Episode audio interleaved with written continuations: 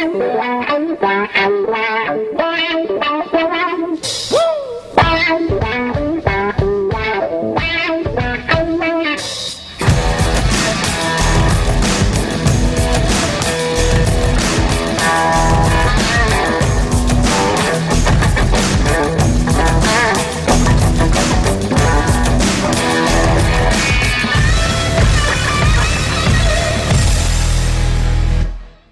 Oké, welkom allemaal bij een nieuwe aflevering van uh, Eindbazen. En uh, het is een interessante tijd geweest, want uh, we zijn live gegaan eigenlijk online met alle afleveringen. Die hadden we al een aantal keer opgenomen. En eigenlijk zijn de reacties supergoed geweest. We hebben nu geloof ik vier afleveringen online staan.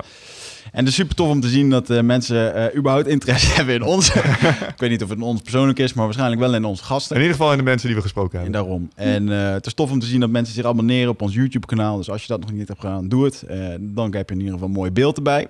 Um, mocht je mij niet willen zien of heb je een hekel aan Michel, dan zitten we deze week ook op iTunes. En via iTunes moet je eventjes op eindbasis zoeken en dan kan je een podcast, kan je zelf abonneren, komen we automatisch in je iTunes inbox, zoals ze dat mooi noemen.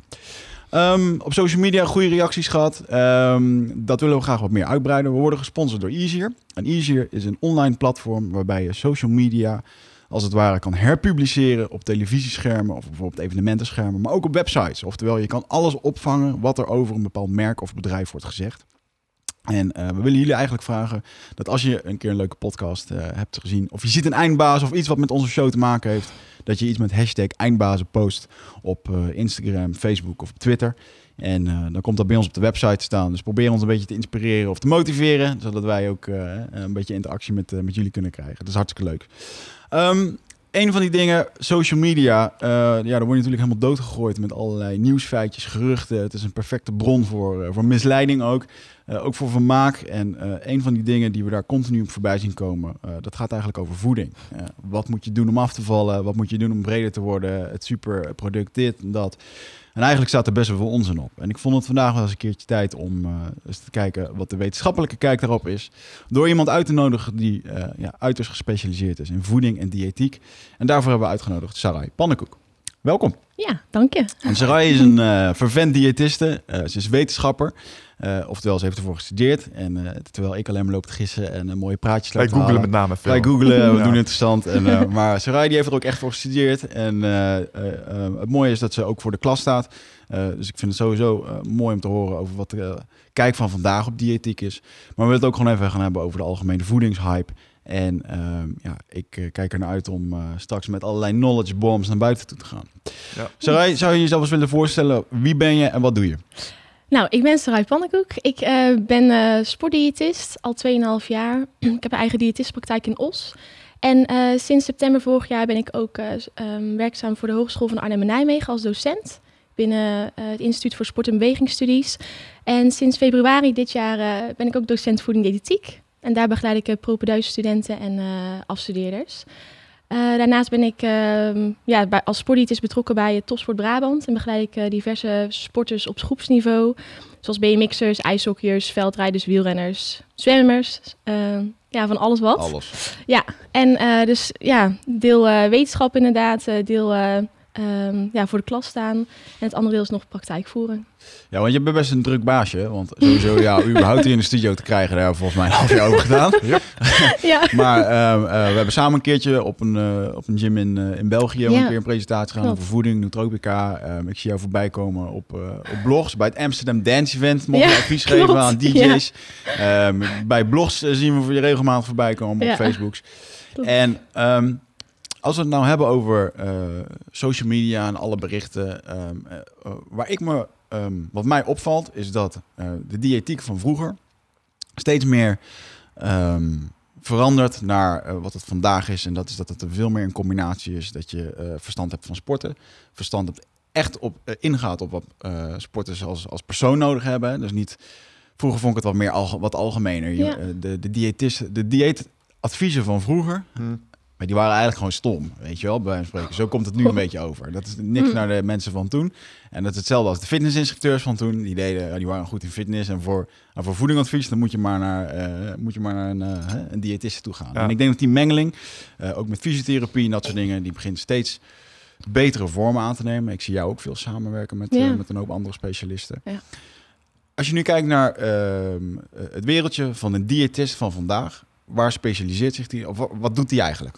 Ten opzichte, nou, misschien niet ten opzichte, wat doet gewoon een diëtiste van, van nu, van vandaag? Ja, een diëtiste van vandaag, ehm, die moet, of ik denk dat die vaak wel op de hoogte is van wat er dus speelt. Ik denk dat dat heel belangrijk is, dat een diëtiste van vandaag dat weet. Omdat eh, die cliënten zijn onwijs divers. En eh, ze lezen inderdaad ook hartstikke veel, al is het niet eh, op blogs, maar dan komt wel weer iets bij op Facebook bijvoorbeeld. Dus eh, je krijgt onwijs veel verschillende soorten voedingsvragen. En ik denk dat doordat bijvoorbeeld ehm, eh, social media zo toegankelijk is voor iedereen, volgens mij heeft iedereen denk ik wel Facebook of Twitter, Mm. Ja. Ehm, eh, ja, krijg je gewoon veel meer diverse vragen binnen. En ehm, cliënten willen graag gewoon weten of dat dan ook voor hun kan, of dat het ook voor hun geldt. Ehm, moeten ze ook niet zoiets uitproberen om hun prestatie te verbeteren.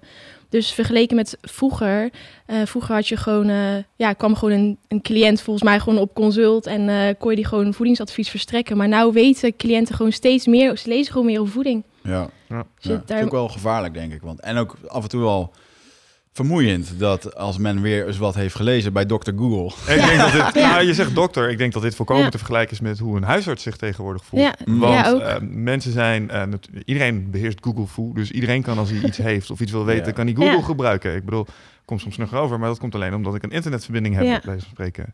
Ehm, en ik denk dat het met voeding inderdaad net zo is. Dat eh, mensen, nou ja, dan lezen ze weer over de laatste hype en denk je, ja, Ja. moet ik dit ook gaan toepassen in mijn, eh, in mijn sportregime? Ja. Ja. Hoe ga je daarmee om? Ehm, ja, zoals ik net eigenlijk al zei, toen ik hier binnenkwam, ja, ik probeer het wel altijd vanuit een wetenschappelijke manier te benaderen.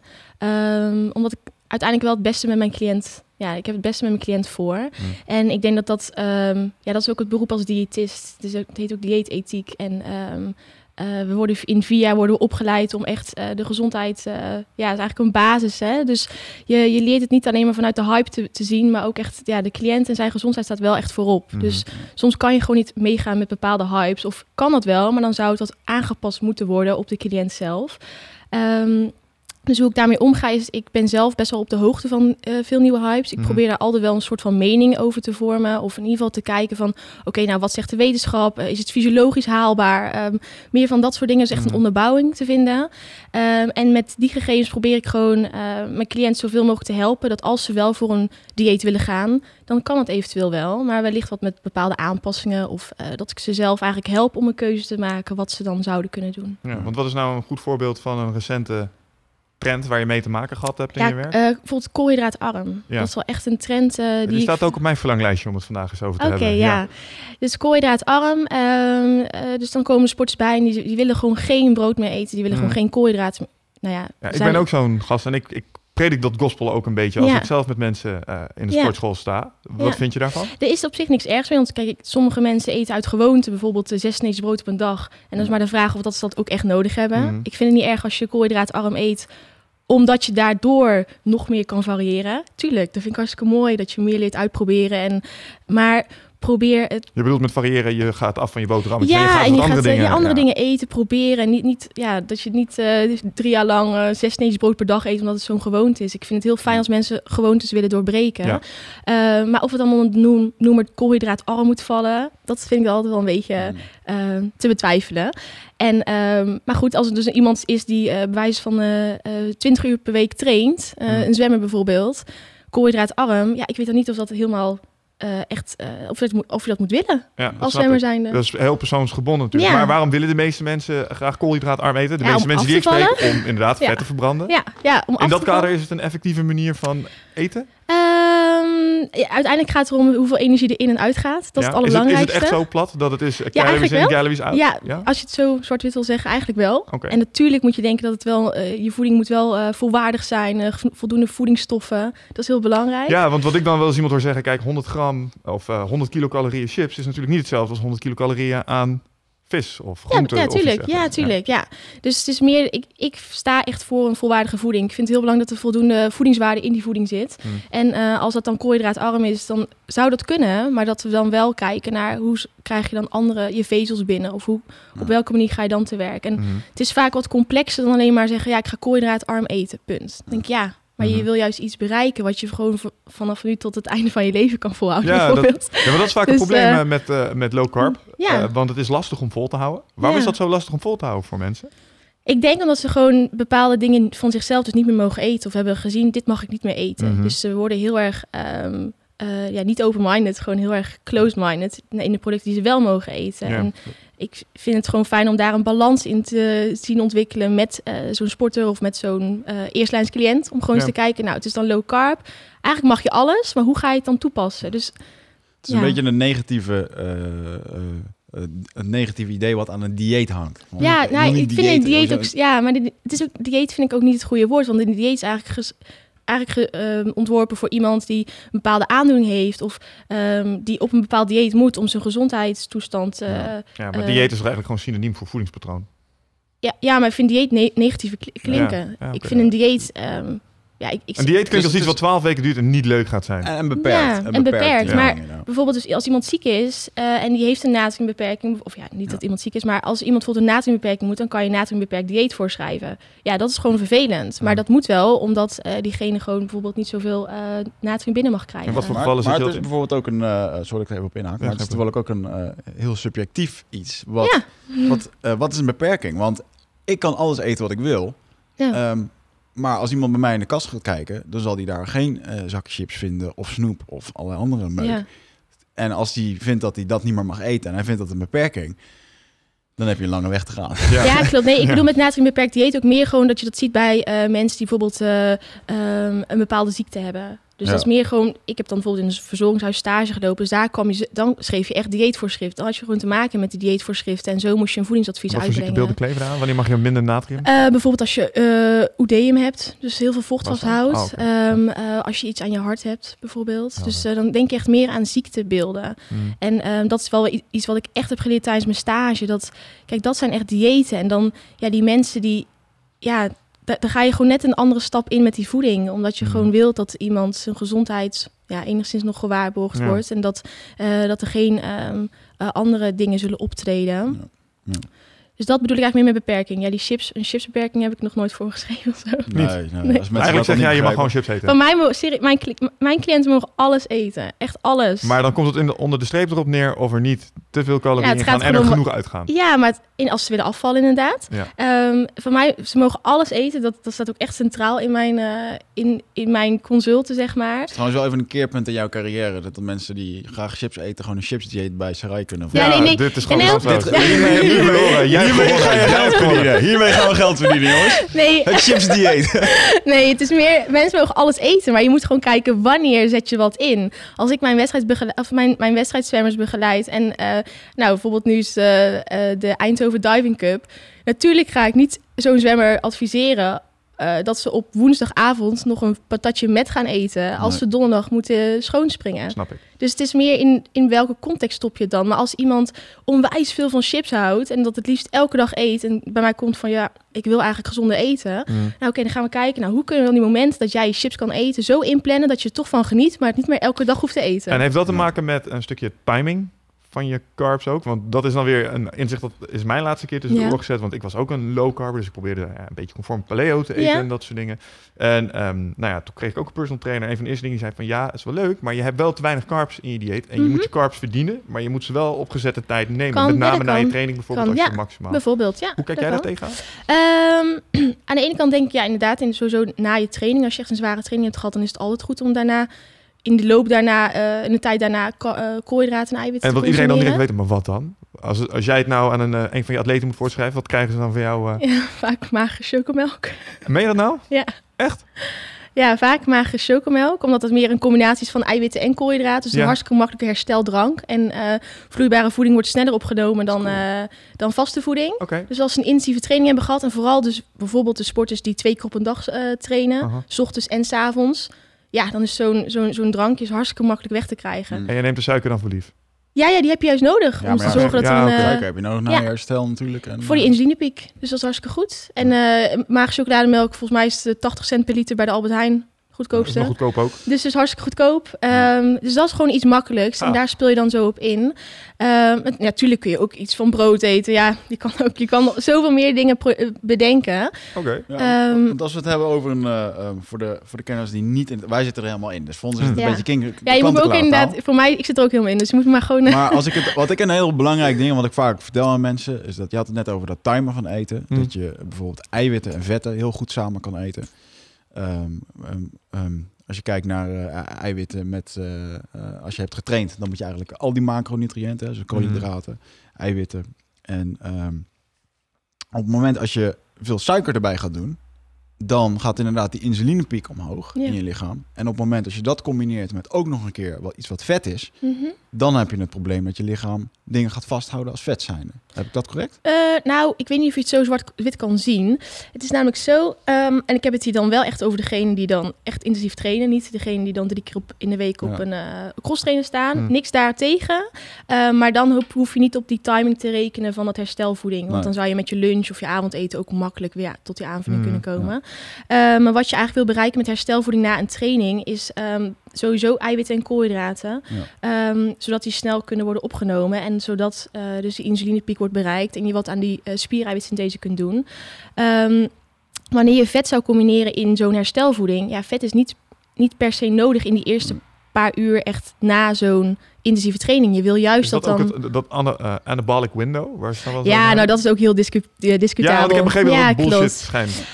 Het was volgens mij, volgens mij had ik laatst een artikel gelezen dat degene die dat had eh, in het leven had geroepen, de- Hmm. dat, dat hij dat gewoon al zo had bedacht eigenlijk. En iedereen nam het zomaar over. En die Ja. ging het gewoon maar zo, eh, ja, dus Ah, maar dat heb het je wel meer op over. internet. Dat is hetzelfde als met eh, je schijnt zoveel spinnen te eten in je slaap en dat soort. Dat heeft ook gewoon een keer iemand bedacht Ja, maar als dat was bij de, volgens mij was het bij de hoe snel dat window gaat. of opportunity hetzelfde. ja, ik had het toevallig laatst met een collega van mij over en die vertelde me dat toen. Dus ehm, kijk, het is niet zo dat je per se binnen 30 minuten moet eten en drinken, want anders dan eh, ja, stopt alles en dan komt er niks meer binnen. Dat Ja. helemaal niet. Hmm. Maar wat ik mijn atleten vooral probeer aan te leren, is dat het een soort gewoonte wordt om in ieder geval herstelvoeding toe te passen. Het gaat jou meer om de structuur van dat Ja, lekker eten naar je. Het gaat me gewoon om, ehm, ja, gewoon om, om een soort van nieuwe habits aan te leren. Dat Mhm. vind ik gewoon heel belangrijk. En of dat dan binnen een half uur is of binnen een uur, dat is prima. Ja. Maar eigenlijk wel gewoon eh, zodat je eh, op dat herstel kunt gaan Maar focussen. überhaupt, überhaupt die basis al, dat als je gewoon je lichaam aan het werk hebt gezet, heb je gewoon veel verbrand, dan heb je gewoon voeding nodig daarna. En dat heel veel Ja. mensen gaan sporten, dat ze eten eh, voor het sporten, is eigenlijk al niet zo goed.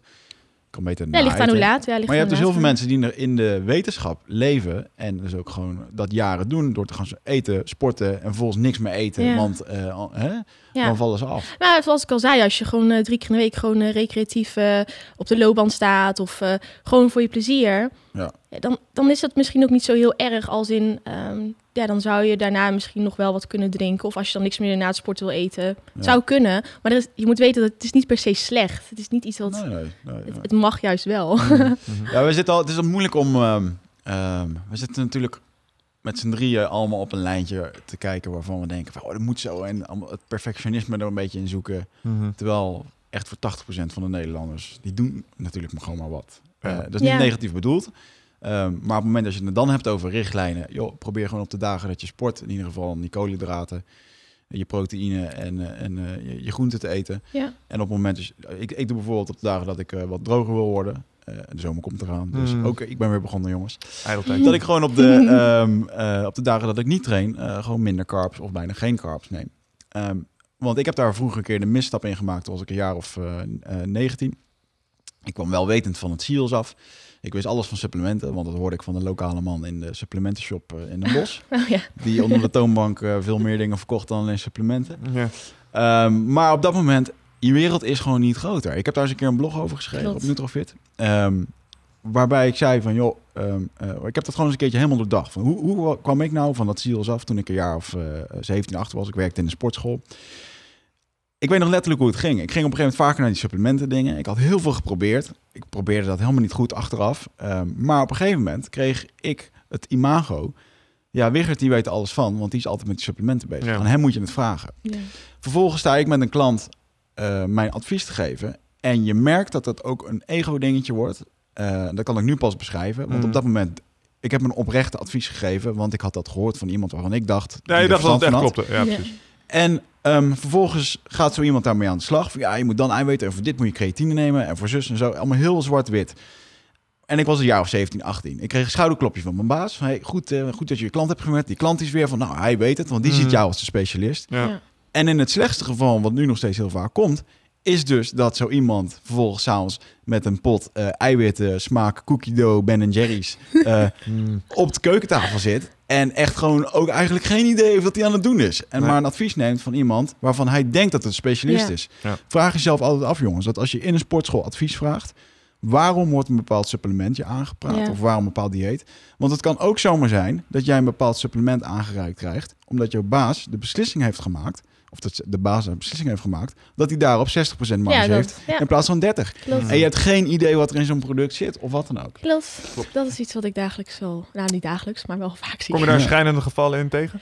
Ehm, nou, ik, ik kan me herinneren dat ik een keer een cliënt inderdaad ook bij zo'n winkel was geweest. En ehm, dat die, ik weet ook niet precies hoe het ging, maar die, maar die eigenaar die had dan op een bepaalde manier toch gediagnosticeerd dat diegene een tekort had aan vitamine la la la la la la la. Mhm. Daar heb ik wel een potje potje voor. Ja, kom maar, kom maar mee. Toen vertelde die cliënt dat en toen eh, zei ik ook van, maar wacht. Dus toen trok hij ook echt zo'n lade open en toen zei hij, wacht, ik heb het toevallig allemaal hier. Hmm. Dus ja, het ging niet helemaal zo, maar het klopte wel. Ja, en uiteindelijk moest hij dus iets van supplementen kopen voor misschien wel 80 euro. Kijk, en dan denk ik, wacht, nee, we gaan eerst kijken naar de, naar de voeding. Wat kan nog niet in de voeding? En, exact. Want ik neem aan, een van de dingen die ik nog wel stel is... eh, luister, leuk dat je supplementen wil gaan kopen. Maar vaak zie je mensen die enthousiast bezig gaan met hun lijf. Die gaan eh, scherp op de voeding, ze gaan veel sporten. En dan ineens komen de supplementen om de hoek. En dan moeten er allerlei potjes tevoorschijn komen.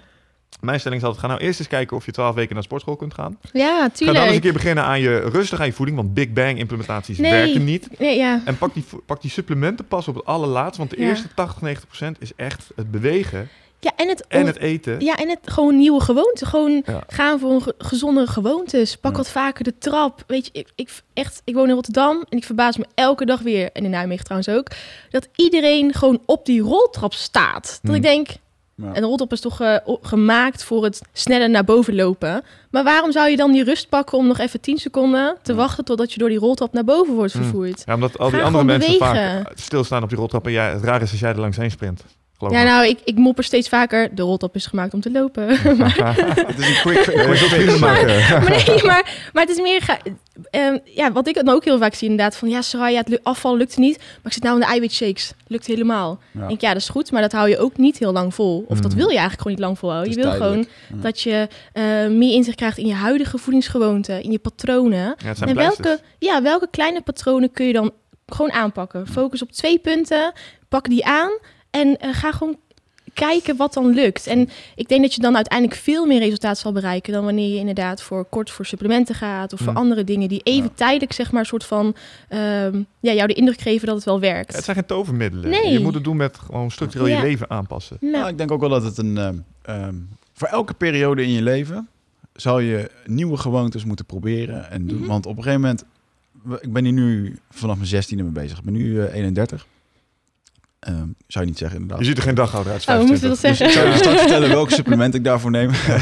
en welke zelf ik gebruik. Ja. Maar ehm, eh, uiteindelijk is het wel zo dat ehm, je moet het gewoon leren, ervaren. Want geen enkel lichaam is hetzelfde. Je Nee. hebt te maken met verschillende lichaamstypes. Als jouw ouders jou vroeger alleen maar macaroni met kaas hebben gegeten... heb je een achterstand op iemand die eh, wel netjes alleen maar groente kreeg... en ook die groente moest opeten voordat Ja. hij van tafel af moest. En als je het 18 jaar lang iedere dag hebt gehad...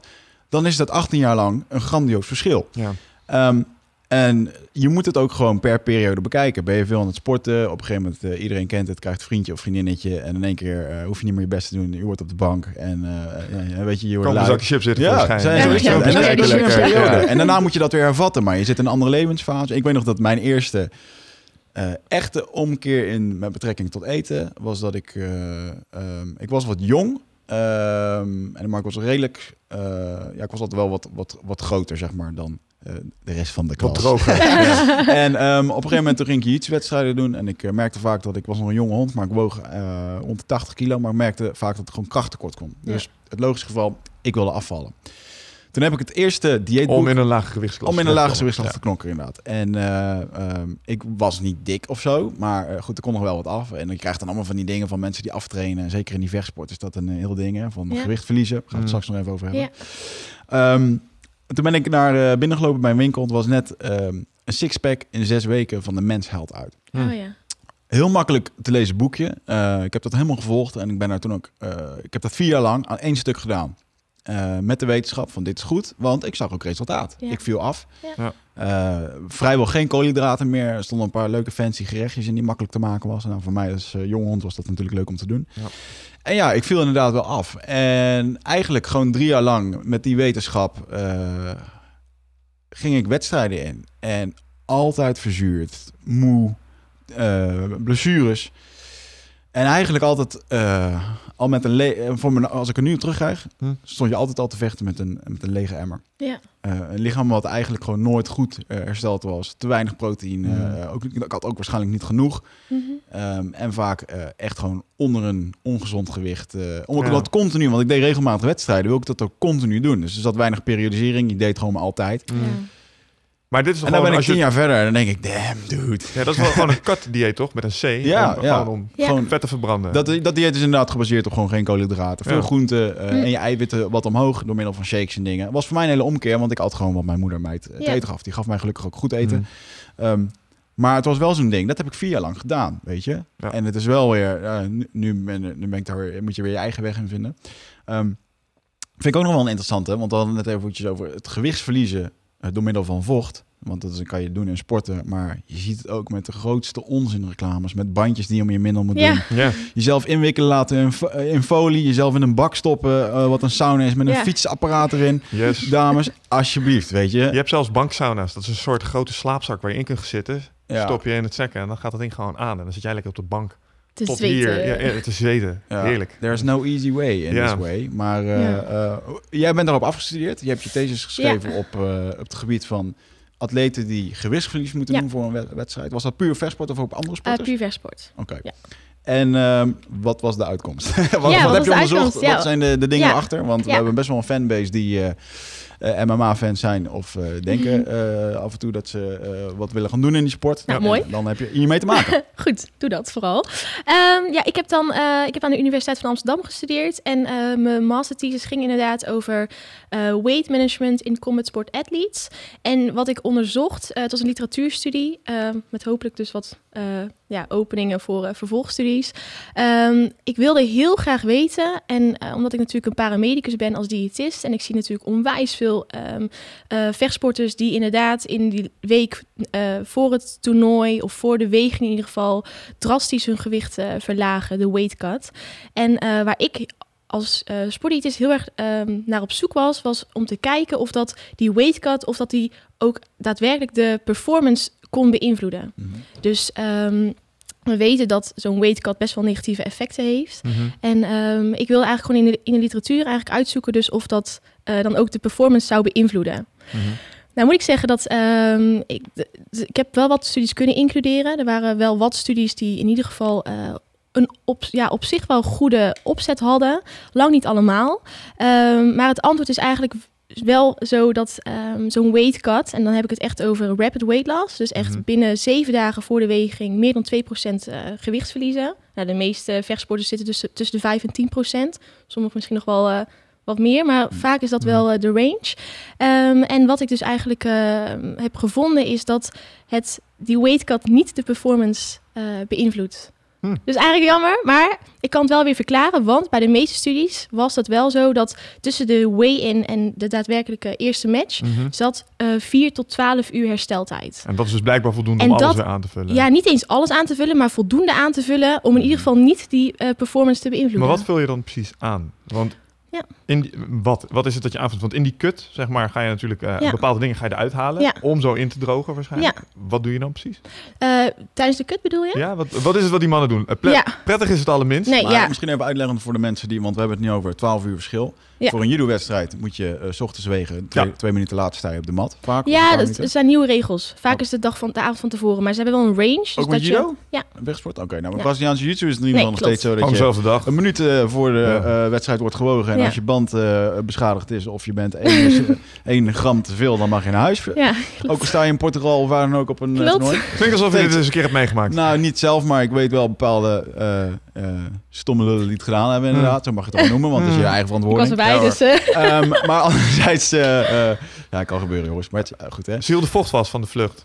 Ja, precies. Ja. Maar goed, weet je, uiteindelijk is het natuurlijk wel... Het is, ik vind het een stukje professioneel, eh, professionele attitude die je moet hebben als atleet. Als je daar mee gaat doen. Of Ja. je nou op amateurniveau meedoet. Als je dat al niet kan halen, ja, jongens, dan, dan is het eigenlijk gewoon zonde. Ja. Ehm, maar eh, als het gaat om het MMA-vechten, dus het, eh, het mixed martial arts of het boksen, waar je inderdaad een dag van tevoren, eh, we zien, kennen het allemaal van de tv, hè, van Mm. de, de grote wegingen waar eh, Dat Ja. even boos tegenover iedereen elkaar boos tegen elkaar staat, Ja. wat soms nog wel een beetje met duwen en Ja. trekken gaat.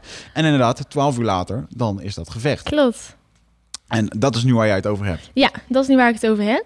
Ehm, en wat ze dus eigenlijk voornamelijk doen, is in die weight cut is eh, vaak eh, de calorieinname drastisch verminderen. Dus Mhm. echt drastisch verlagen. Gewoon heel weinig eten. Ehm, ook heel weinig drinken. Vooral de, de dag voor de weging, de laatste 24 uur, bijna niks meer drinken. Eh, ik zie ze lopen in sauna pakken. Ze gaan naar de sauna. Ze doen eigenlijk alles om eh, ja, heel veel vocht te verliezen. Het klinkt echt als heel slecht voor je. Eh, het is ook niet zo heel gezond. Het En dat is ook waarom jij er straks zei van... ik vind het jammer dat de eindstand van mijn onderzoek was... dat het de performance niet beïnvloedt. Ja, want ik was daar heel, heel erg naar op zoek. Want we, we, we kennen, we weten eigenlijk ook uit de, theorie en uit de wetenschap weten wat de gevolgen zijn van eh, eh, dehydratie. En? Dat is eh? Nou prestatievermindering, coördinatievermogen dat verslechterd wordt. En Mhm. hoe meer je verliest, eh, hoe meer kans je hebt op eh, bijvoorbeeld eh, in shock raken. En uiteindelijk kan je er ook aan overlijden. Ja. In 1995 zijn eh, drie eh, jonge worstelaars, college wrestlers, zijn Ja. eigenlijk overleden aan de gevolgen van dehydratie. Dus nierfalen en dat soort dingen hebben daarmee te Ja, ze hadden gewoon volgens mij... ehm, eh, ja, dat was in ieder geval gewoon dehydratie. Ik weet niet zeker of het nieuw, nieuwfalen Maar was. nierfalen is een van de dingen die eruit Kan, kan ja. Ja. Dan moet ik me dan voorstellen Ja. dat je jezelf... eh, je, haalt je, je haalt je je gaat vervolgens aan het worstelen... en je bent nog steeds in die staat en dan loop je schade op en... Nee, eigenlijk, zelfs de- al voor deze de zijn, ja, deze zijn eh, overleden ne- vlak voor de weging. Ja. Ja. Dus in hun weight cut period. En Maar waren klinkt ook- echt als roofbouw op je lijf, hoor. het Ja. is ook roofbouw op je lijf. Maar het kan me wel is- voorstellen dat het gebeurt. Want op het moment als Ja. je helemaal... Ik heb zelf vaak geweightcut uh, op hele slechte manieren en op ook hele gezonde manieren. En op hele slechte manieren, dan voel je je sowieso al kut. Dus je bent ook al... je, bent, je bent blind voor wat je lichaam op een gegeven moment aangeeft. En denkt, oh, ik voel me zo slecht. Oh, ik voel me slecht. Oh, ik wil drinken. En op het moment dat je lichaam dus echt gaat protesteren... en bijvoorbeeld in een soort shock komt... zou je dat dus als het ware kunnen, eh, eh, ja, niet, kunnen door, niet kunnen doorhebben. Omdat je denkt van, ja, ik voel me slecht, dit hoort erbij. Ja, ja, ja. Terwijl je Ja. eigenlijk gewoon... Wat, wat ik ook, eh, dat was een, een worstelaar uit Amerika die dat volgens mij toen zei, eh, een aantal jaar, ja, flink aantal jaar geleden. Die zei, ehm, nou, in het Engels, dus in het Nederlands zei hij Ja. iets van, eh, ehm, zijn eerste gevecht was eigenlijk om die weging te halen. mm, En daarna, dat, Ja, daarna het echt vechten was pas zijn tweede match. Ja, snap. Dus eh, in he- en dat is ook wat ik zie. Hè. De cutting, weight cutting is ook een, een soort eh, gewoonte eigenlijk. Het hoort erbij. Het hoort erbij bij het klaarmaken voor zo'n wedstrijd. Mhm. ja. Als je niet doet weight cutten, sommige atleten hebben het gewoon nodig om heel scherp te worden voor die wedstrijd. Mm, het is ook een mentaal... Ja, eh, het is, ook, het is heel erg mentaal. En ehm, ook al weten ze de risico's van dehydratie. En ik bedoel, vorig jaar, volgens mij nog, volgens mij begin vorig jaar is er nog een MMA-vechter overleden. Aan de gevolgen ook van dehydreren. Mm. En ehm, eh, dus de gevolgen zijn er wel, maar wedstrijdvechtsporters nemen vaak die gevolgen wel van lief, want het hoort bij, bij die voorbereiding. Ja. op die wedstrijd. Is toch typisch dat de voorbereiding in principe gevaarlijker is als knokken zelf dan. Ja, nou ja, het ligt aan dus hoeveel, hoeveel gewicht je verliest. Ja. Want daar zal ook wel een boven- en ondergrens in zitten. Ja, nou ja, hoe meer gewicht je verliest door dehydratie, hoe groter het risico is Mhm. op, op, eh, op klachten en andere En een van die manieren is om eh, de dagen van tevoren eh, heel veel water te gaan drinken. Zodat Ja, je lichaam denkt van, hé, hey, ik heb een overvloed aan water. We gaan het afscheiden Ja. door te plassen, te zweten. Ja. En op het moment dat je dan stopt met drinken, je lichaam door blijft Blijft gaan, in die modus. En ehm, nou heb ik ook een keer een theorie gehoord dat ehm, op het moment als men eh, aan het weight cutten is, dat je lichaam in een soort ehm, staat komt van oké, we moeten zoveel mogelijk vasthouden. Dus op het moment als dan die weight cut is gedaan en je vult dat weer aan, dat je eigenlijk in plaats van 100% herstelt, eh, misschien wel meer zou herstellen, omdat je lichaam extra alert is op dingen vasthouden en eh voedingsstoffen en dat soort dingen. Is dat iets wat je eh, Eh, starvation mode of zo het heet dat, ja. Ja, dat Is weet dat niet. keto niet? Nou, ik heb er volgens mij eens een keertje van Mike, eh, Mike Dolce ook daar een keertje Oh over ja. Ja, maar Ma- Mike Dolce is ook de, De de man guru, voor geloof ik, toch? Met de man voor MMA eh, klopt, diëten en ehm, eh, eh, ja Dolce, zeker. Dolce Diet of zo. ja, hij heeft de Dolce Diet, iets wat eh, ja. ook gepromoot wordt door eh, door Onnet eh, trouwens. Ehm, Ja. ehm, en wat een ja, ik vind hem wel voor MMA. Ik bedoel, als je ziet hoe dat hij met die vechters meeleeft, hij maakt zelfs het eten en dat soort dingen voor Ja. die gasten. Ehm, en wat je ook ziet bij hem en waar, waar hij ook om geroemd staat, is dat hij hele ehm, vriendelijke, eh, tussen aanhalingstekens, weight cuts eh, voor ze begeleidt. Dus niet de, de dingen waarvan hij ook zegt van... joh, ik zie mensen in sauna's half dood gaan. Klopt. En het is veel beter om gewoon continu, als jij op 80 kilo moet vechten... om op 84 kilo Ja. rond te lopen, even is 4 ook kilo af te zweten. Ja. Voel je veel beter bij dan dat je van 90 naar 80 gaat. Want die zijn er ook bij. En zeker mensen met een worstelachtergrond, want daar is dat helemaal een ding, zeker in Amerika... Ja. zijn er jongens die gewoon, eh, gewoon 15 pond... eh, oeit. Ja, maar dat is ook denk ik wat eh, de mensen dan uiteindelijk dwingt om het te doen. Want als jij weet dat de jongens die vanaf Ja, eh, 96, of, eh, 96 naar de 90 gaan inwegen op Ja. 90, 96 op de mat staan. En dan kom jij Ja. met je 92 kilo aan. Klopt. Die vier verschil die maakt Dat uit is ook, natuurlijk. ja, dat is ook. En dat is ook het frappant eigenlijk. Dat iedereen doet die weight cut. Dus zou je nagaan als je het zou schrappen... Ja, of in ieder geval een marsher doen of net wat... wat Ja. extra regels eromheen zou rondbouwen... dan hoeft niet iedereen ehm, van eh, 78 naar min 70 te gaan. Want je weet dat de opponent het ook doet. Ja. En daarna is het eigenlijk gewoon een soort van wedstrijdje. Wie kan het snelst weer zoveel aankomen en zo snel herstellen? Dat is het wedstrijdje ik vind daarna. het zo ontzettend krom. Doe die weging echt drie uur van tevoren, weet je? Want vecht dan alle twee op alle 283 kilo, dan Ja. ben je er Ja. ook. Ik kan daar en niet, ja, ik weet niet waar het vandaan Ja. komt in Amerika. Het is een, eh, ik denk dat het een eh, promotioneel ding is om, want daar denk ik uit, uit evenementenoogpunt denk ik van, hé, hey, we kunnen het ding hypen. De eerste dag een beetje hè, die Ja. weging en eh, dat soort interviewtjes Ja. hoort dat er een soort van bij. Het zal me niks verbazen als het daaruit ook eh, uit ontstaan is, zeg maar. Eh, zeker voor Nou, het huidige MMA. De, de weging is eigenlijk gewoon geïntroduceerd om te zorgen dat me- mensen in, in dus die sporten waar, het, waar gewicht dus wel echt uit gaat maken of dat je kan winnen of Mhm, verliezen. ja. Want iemand die van 90 kilo zou moeten vechten tegen 70 kilo. stel jij en ik zouden... Ja, dan, kijk, dan weten we, nou, ja, tenzij we naar de grond gaan dan, maar goed. Ja, ja, ja, braaf. Eh, maar als je gewoon, eh, eh, dan jij hebt een, een lange reach, dus je hebt een langere armwijdte, dus je kan, je hebt meer lichaamsgewicht die je in je wou zou zeggen, kunnen massa is daar met Ja. name ding. Ja, dus vandaar dat ze die gewichtsklasse hebben gedaan om eigenlijk meer veiligheid te promoten. Ja.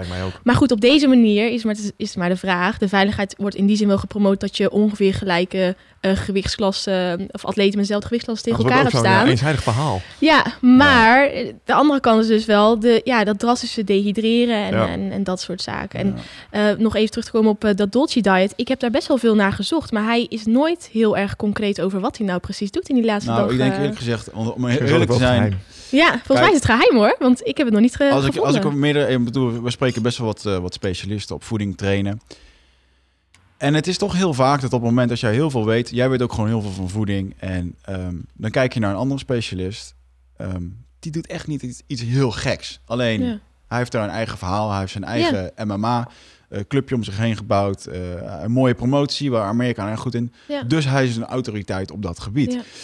Doet hij echt heel iets anders, iets heel geks? Weet weet hij meer dan jij? Ik ik vraag het- af. nee, maar daar heb je een hele mooie uitspraak over. Je hebt miljoenen methodes, maar slechts enkele principes. Ja. Want Ja. vaak zijn het variaties op hetzelfde Klopt. Ja, principe. zo, Dus ja. Of een low carb Ja. ding en ik heb Ja. een ander sausje overheen gegooid. Of is een high protein Ja. ding. En ik noem dat net weer even anders. En bij mij mag je wel een klein beetje carbs daar en daar en daar. En dan is het in één keer een nieuw ding. Maar het Ja. zijn dezelfde principes die ze aanspreken. Ja. En ik denk dat het eh, wat, wat gewoon heel goed is, dat hij, hij is MMA-vechter. Hij heeft eh, de UFC is die gevraagd om UFC fit op te zetten. Ja. Dus hij is autoriteit op het gebied van voeding Ja. en MMA.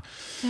En daar gaat hij niet meer van afwijken. Ik heb het dieet doorgelezen. Ik was er niet onder de indruk van. Want op Oh, ik heb als het je... niet kunnen vinden. Oké, dan zal ik Oké, even goed... Nou, dan zal ik jou eh, een boekje eh, geven. Ehm, maar het is een... ehm, ja, weet je? Ja, alles wat wij al weten. Dat je erin duikt, dan is dat het gewoon. Maar wel bepaalde logica. Inderdaad over het timen van voedsel. Ja, Maar eet niet zoveel, maar eet gewoon voedzame voedsel. ja, iets weet gewoon je? voedzaam. Ja, dat is en belangrijk. ehm, eh, gewoon ook veel groenten, want ah, mensen, zo, zo weinig mensen eten groenten, weet je. Ja. Eet je fucking vegetables. Maakt niet uit hoeveel groente je eet. Je eet niet genoeg groente. Nee, en Nee. ehm, dat is ook een ding van, eh, ik zit nog niet vol. Ja, eet nog maar een keer een bord groenten, Ja. weet je. En dat, eh, daar zijn, maakt hij gewoon goede principes Ja. in. Ehm, en ik denk dat in, eh, zeker in Amerika, ehm, voor heel veel mensen dit echt een grote impact is op hun levenspatroon, Ja. weet je. Waar alles eh, groter en, eh, en vetter is. Ja. Ehm, maar goed, dus dat, dat tot zover over Mike Ja. Dolce. Ja, maar het is Ja, ook een stukje kennis. Maar weet je wat het is met kennis? Ehm, je kunt het allemaal wel weten. En dat zie ik in mijn eigen leven ook wel eens. Van, ik weet de boel over voeding. Maar ik heb ook wel eens momenten dat het allemaal iets minder strak gaat. En het Mm. gaat inderdaad om het creëren van die gewoonte. Want als je één keer weer begonnen bent, dan Ja. is het ook een stuk makkelijker om het eh, vol te houden. Ehm, jij als specialist zijnde, stel jij gaat eh, met iemand aan de slag. Dan ga je eigenlijk wat je gaat doen is de voeding. eh, nee, je gaat hun gewoontes, daar ga je aan lopen sleutelen. Ehm, ja, maar ook wel met ook wel hun voeding hoor. Ja, maar Gewoontes meer de gewoontes om de voeding heen. En dat. Ja. Wat zijn de eerste stappen vaak die jij neemt bij Ja. mensen? Ehm, nou, ze komen, nou, vaak nemen ze contact met mij op en Ja. dan eh plannen een afspraak in. En voorafgaand aan die afspraak laten ze vaak een voedingsdagboek bijhouden. Eh het is eigenlijk best wel een groot document ehm, waarin ze dus wat, eh, nou, gewoon wat dingen registreren over zichzelf. En Een dan beetje hou- eten. Ja, vaak, ik heb vaak vier dagen. Dat ik dan vier dagen hun voeding, die houden ze dan bij. Eh, en voorafgaand aan die afspraak sturen ze me dat document terug, zodat ik al een beetje kan analyseren. Dat ik al in Mhm. ieder geval gewoon ehm, eh, kwalitatief kan, ana- kan analyseren van oké, wat eten ze nou allemaal? Hebben ze wel een ontbijt? Of, eh, of wa- wat voor producten kiezen ze? Eten ze inderdaad voldoende groenten? Dus gewoon Mhm. even scannen. En som, ja, vaak voer ik het ook nog in in een de berekeningsprogramma, voedingsberekeningsprogramma, zodat ik ook een beetje de harde maten weet van hoeveel Ja. eiwitten komen nou binnen ongeveer. Ja, ja, ja. En hoeveel koolhydraten. Het blijkt, blijft natuurlijk al wel een schatting. En dan komen ze op consult en dan... ehm, eh, nou, ik wil eerst gewoon weten wat een hulpvraag is. Dus waarom willen ze eigenlijk... Wat, wat verwachten ze van mij als Mhm. diëtist? Wat willen ze bereiken? Hoe vaak is het afvallen en strakker worden? Nou, sinds nu eigenlijk niet meer. Want ik begeleid nu echt alleen maar... eh, vanaf 2015 echt alleen maar eh, sporters. Daar waar ik vorig jaar misschien 80% sporters had, 20% eerste lijn. Dus dan zaten we heel, heel veel Mhm. afval, ehm, eh, afvallers in. Heb ik besloten vanaf dit jaar dat dat niet meer te doen. Dus het zijn echt alleen maar sporters. En als die dan willen afvallen, dan kan dat. Maar dan is het dan wel in teken van de sportprestatie. Ja, dat is een ander verhaal. dan. Ja. ja. Ja, Ja. dus eh, dat kan wel hoor, dat is nog wel eens komen. Maar dan, ehm, eh, dus eerst de hulpvraag. En de hulpvraag staat eigenlijk centraal. En daar probeer ik zo goed mogelijk bij aan te sluiten. En vaak gaan ze dan, eh, nou, we, bespreken de voeding. Eh, ik leg heel veel dingen uit, want ik vind e- educatie heel belangrijk. Dat ze, draagvlak. ja, nou, dat ze gewoon weten waarom dus uiteindelijk bepaalde adviezen, waarom die dan eh, een beetje prioriteit krijgen. Omdat ze dan Mhm. snappen wat er in het lichaam gebeurt. Of snappen waarom herstelvoeding dan belangrijk Je is. doet me een beetje denken aan mijn, als ik in de tandartsstoel lig, dat mijn tandarts altijd vertelt wat hij aan het doen is, terwijl dat hij dingen doet, in plaats dat ik ge- geboor en gekraak hoor. Vind aan ik- Ja. ook vragen terwijl nee. Nou ja, nee, ik vind ik echt heel geruststellend. Hij zei, nou Ja. oké, je hebt dit en dat, ik ga nu dit en dat doen Ja. wat te doen. En je kan dit en dat voelen.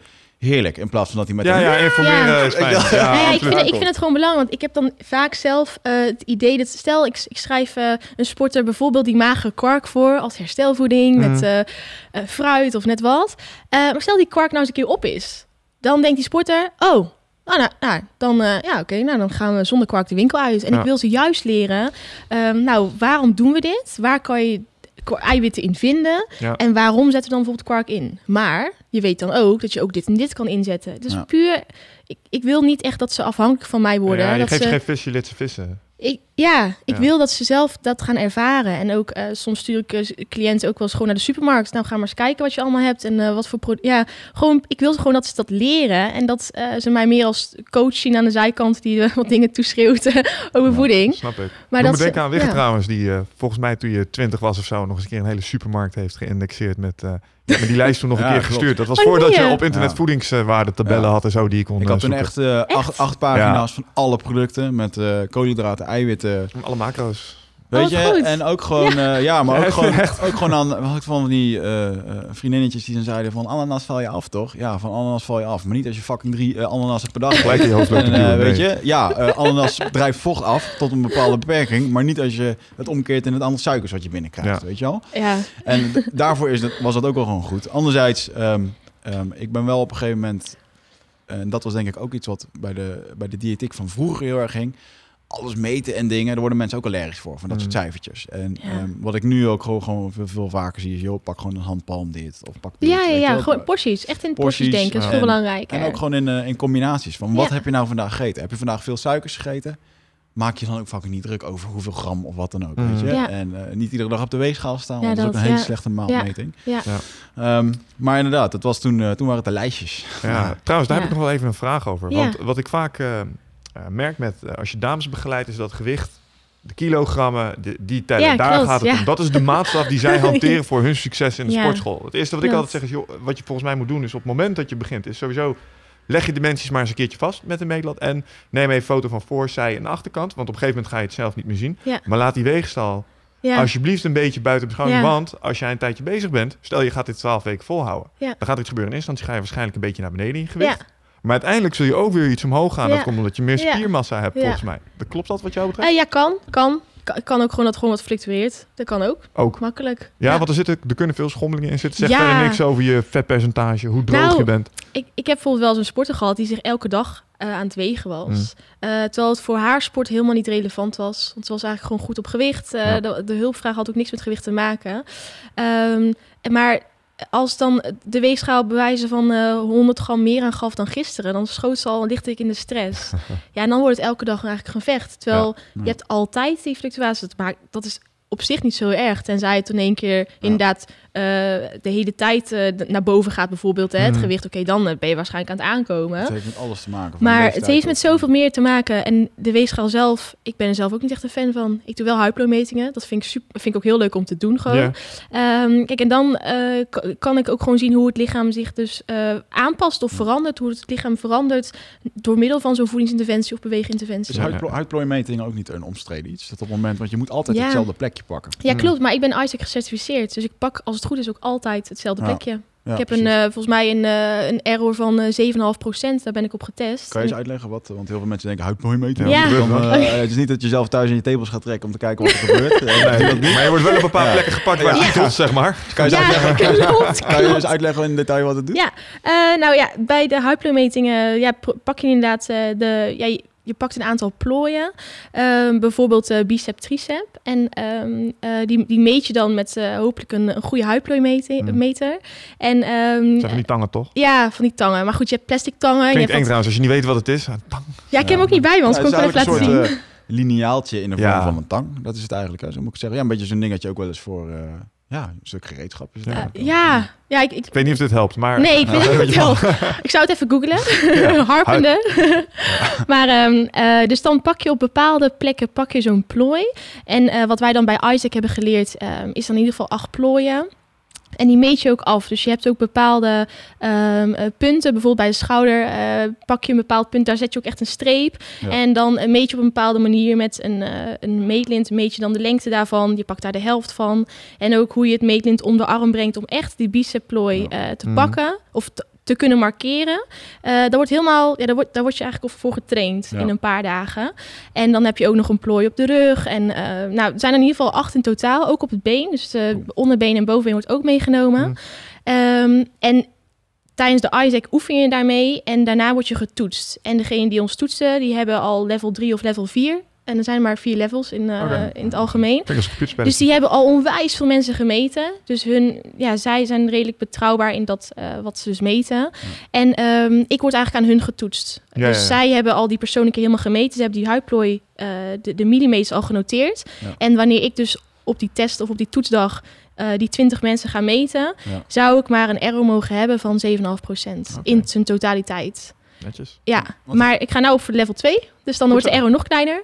En dan eh, leer je ook nog meer. eh, dan heb je gewoon het volledige profiel van een, eh, van een lichaam. Kan je Als dan je alle levels hebt gehaald, ben je een eindbaas. Ja. Ja, maar dan ben je, als je dat hebt, dan ben je echt een eindbaas. Ja. Maar volgens mij zijn er ook maar vier, level 4. Volgens mij zijn er echt maar een handjevol mensen in de wereld die level 4 hebben. Maar het is, het is wel goed om te, te beseffen voor mensen van waarom moet je al die punten. Ehm, nou, een van de grote fabels die er eh, rondgaat o- op internet of waar dan ook, is dat je lokaal vet kan verbranden. Ja. Je denkt dan eventjes aan die bandjes die je om je middel moet doen. En, Ja. Weet je, zoiets bestaat gewoon niet. En op het moment dat jij hebt, eh, ik merk het zelf ook, eh, ehm, dat bijvoorbeeld bij mannen is het vaak eh, een buikding. Die buik die gaat pas weg als de rest, als de rest weg is. In je benen en Ja. in je dingen. En eh, dat is Ja. echt zo'n laatste ding. Bij vrouwen zit dat gewoon op, eh, op de heupen, hè, vaak. eh, ja, bij mij zit het dus helemaal niet op de heup. Bij mij eerder op mijn buik. Maar, maar, maar het is toch een Dus beetje bij- het appelpeer, appelpeer verhaal. Want Ja. de mannen zijn de appels en de vrouwen en peren. En Ja.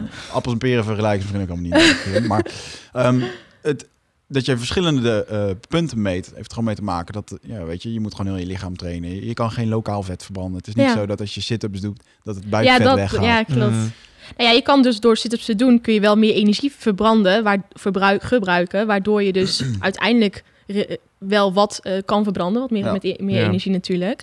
Eh, maar het is niet zo dat je door die sit-ups inderdaad eh, in één keer al je buikvet zal verbranden. Mhm. Nee, was maar zo'n feest. Nee.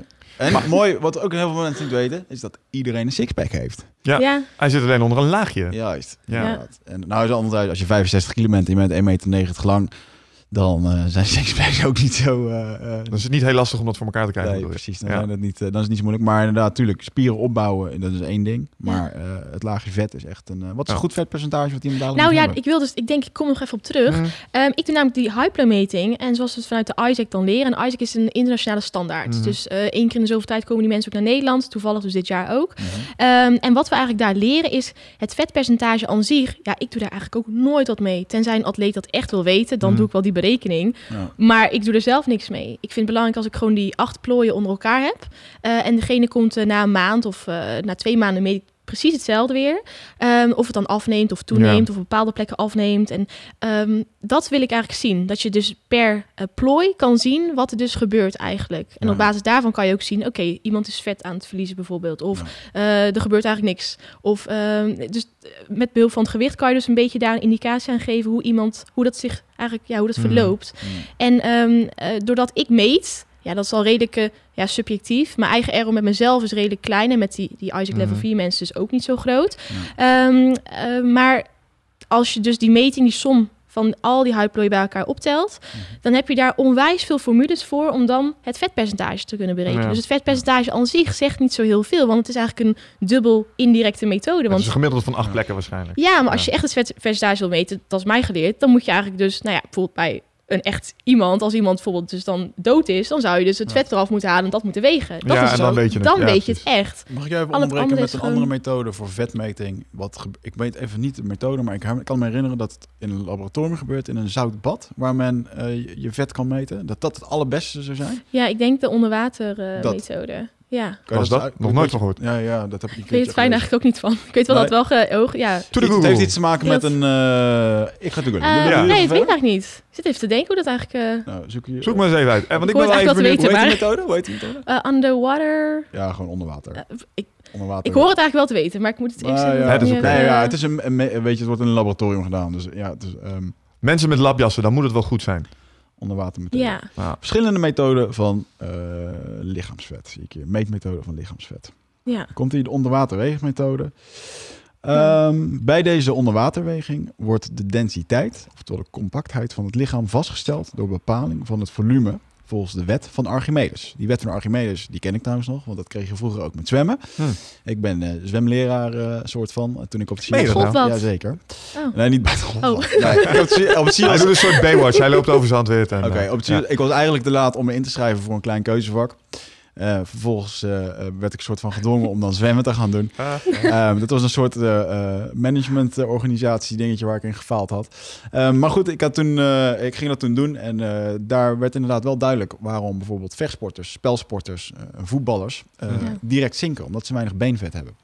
Eh, en Want die wet van Archimedes... die wet van Archimedes die zorgt ervoor dat iemand blijft drijven of niet. Ja. Eh, waaronder dus ook eh, dames wat beter blijven drijven. Omdat eh, het heeft te maken met, eh, met, met lichaamsvet op plekken waar dat, dat zit vooral. Ja. En, ehm, een heel ander ding was dus ook, en dat was al mooi hoe die leraar dat vertelde, was vroeger toen ze eh, nog heksen verdronken. Dat is Mhm. niet zo lang geleden. Dan praat je ongeveer over een paar Ja, jaar ja, ja. dat ja. Dat er dus ehm, werd gekeken of dat iemand naar de bodem zonk, Klopt. of dat hij bleef drijven. Ja. Mhm. En vervolgens gingen ze dus, als je bleef drijven was je een heks. Nou, 9 van de 10 vrouwen die jij in een plons water gooit, die blijven drijven. Dus er zijn, durf ik te zeggen, tientallen vrouwen gewoon ja, daarop, eh, als het ware.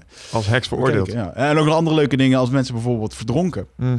Dat Leuk, er vro- gezellig, Ja, ja. daar hebben we natuurlijk, eh, weet je, kreeg je eh, wat medische kennis over. Dat, hoe dat vroeger werd gedaan. Dat het idee werd gedaan dat als je mensen op een kop hing, eh, dat dan dat water eruit zou lopen. Nou ja, iemand die uit de dinosaurustijd komt, bij wijze van spreken, Mm. die denkt zo. Maar ehm, eh, jouw longen, die sluiten, als je water in je longen hebt, dan sluit je lichaam, eh, als het ware, dat klep je af. En Oké, dat, komt er gewoon niet meer uit, Ja, weet je wel. Dus dat moet op een andere manier.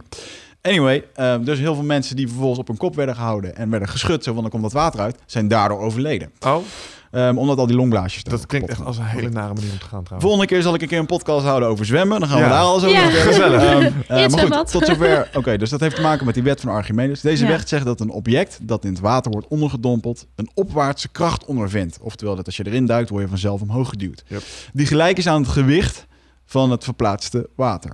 Ehm, even kijken. De te meten persoon wordt eerst droog gewogen... Oftewel gewoon op weegschaal. En dan laat men haar, eh, hem of haar eh, aan een weegconstructie in een water gevulde tank zakken. Door middel van standaard volumes wordt het volume en de densiteit berekend. Met behulp van het verschil tussen het droge gewicht en het gemeten gewicht onder water wordt het soortelijk gewicht van het vet lichter. Nee, zeg ik zo verkeerd. Omdat het soortelijk gewicht van het vet lichter is dan dat van de botten, vlees en spiermassa, zal iemand met veel lichaamsvet onder water relatief minder wegen dan iemand Oh. met weinig lichaamsvet. Hm. Het verschil tussen drooggewicht en onderwatergewicht zal dus groter zijn. Hm. Eh, deze methode wordt wel beschouwd als een van de nauwkeurigste, maar is niet erg praktisch. Nee. En ik hoef die zin niet eens af te lezen, omdat niemand een fucking zwembad in zijn tuin heeft om dit te weten. Nog weet je? niet. Maar goed, in ieder geval, dit is een van die methoden, maar daar heb je dus ge- geen ervaring mee. Ja. Eindbaaspanel, vooral je Ja. natuurkundelessen. Ja. Ehm, ik vond het wel eens eventjes een over van. We hebben het nu over vet en dat soort dingen. Ja. Ehm, maar een heel ander ding is dat eh, wij zitten hier allemaal aan de bulletproof coffee. oh ja. En eh, dat is natuurlijk ook een beetje een internethypeje geweest. Ja, ik, ik heb er heel veel over gelezen eigenlijk eh, de laatste paar dagen. Het is ehm, koffie met, ehm, eh, ja, met, met kokosvet erin en boter. Ehm, en eh, voor ons was het al wat langer bekend, omdat wij Mhm. vanuit Nutrofit, die ook onze show sponsoren, bulletproof koffie verkopen. Mhm. En we waren daarmee de eerste in Nederland. En wat super tof is, is eigenlijk dat het koffie is met een hele hoop gezonde vetten. Nou, die Mhm. gezonde vetten, daar zijn nog wat discussies over. Er zit een MCT-olie in, wat een, Mhm. een, een vet is wat uit de kokosolie komt. Ja. Kokosolie bestaat uit meerdere vetten. Dus als je een kokosnoot hebt, bestaat het geloof ik 8 tot 11 verschillende vetten. En een ervan is MCT.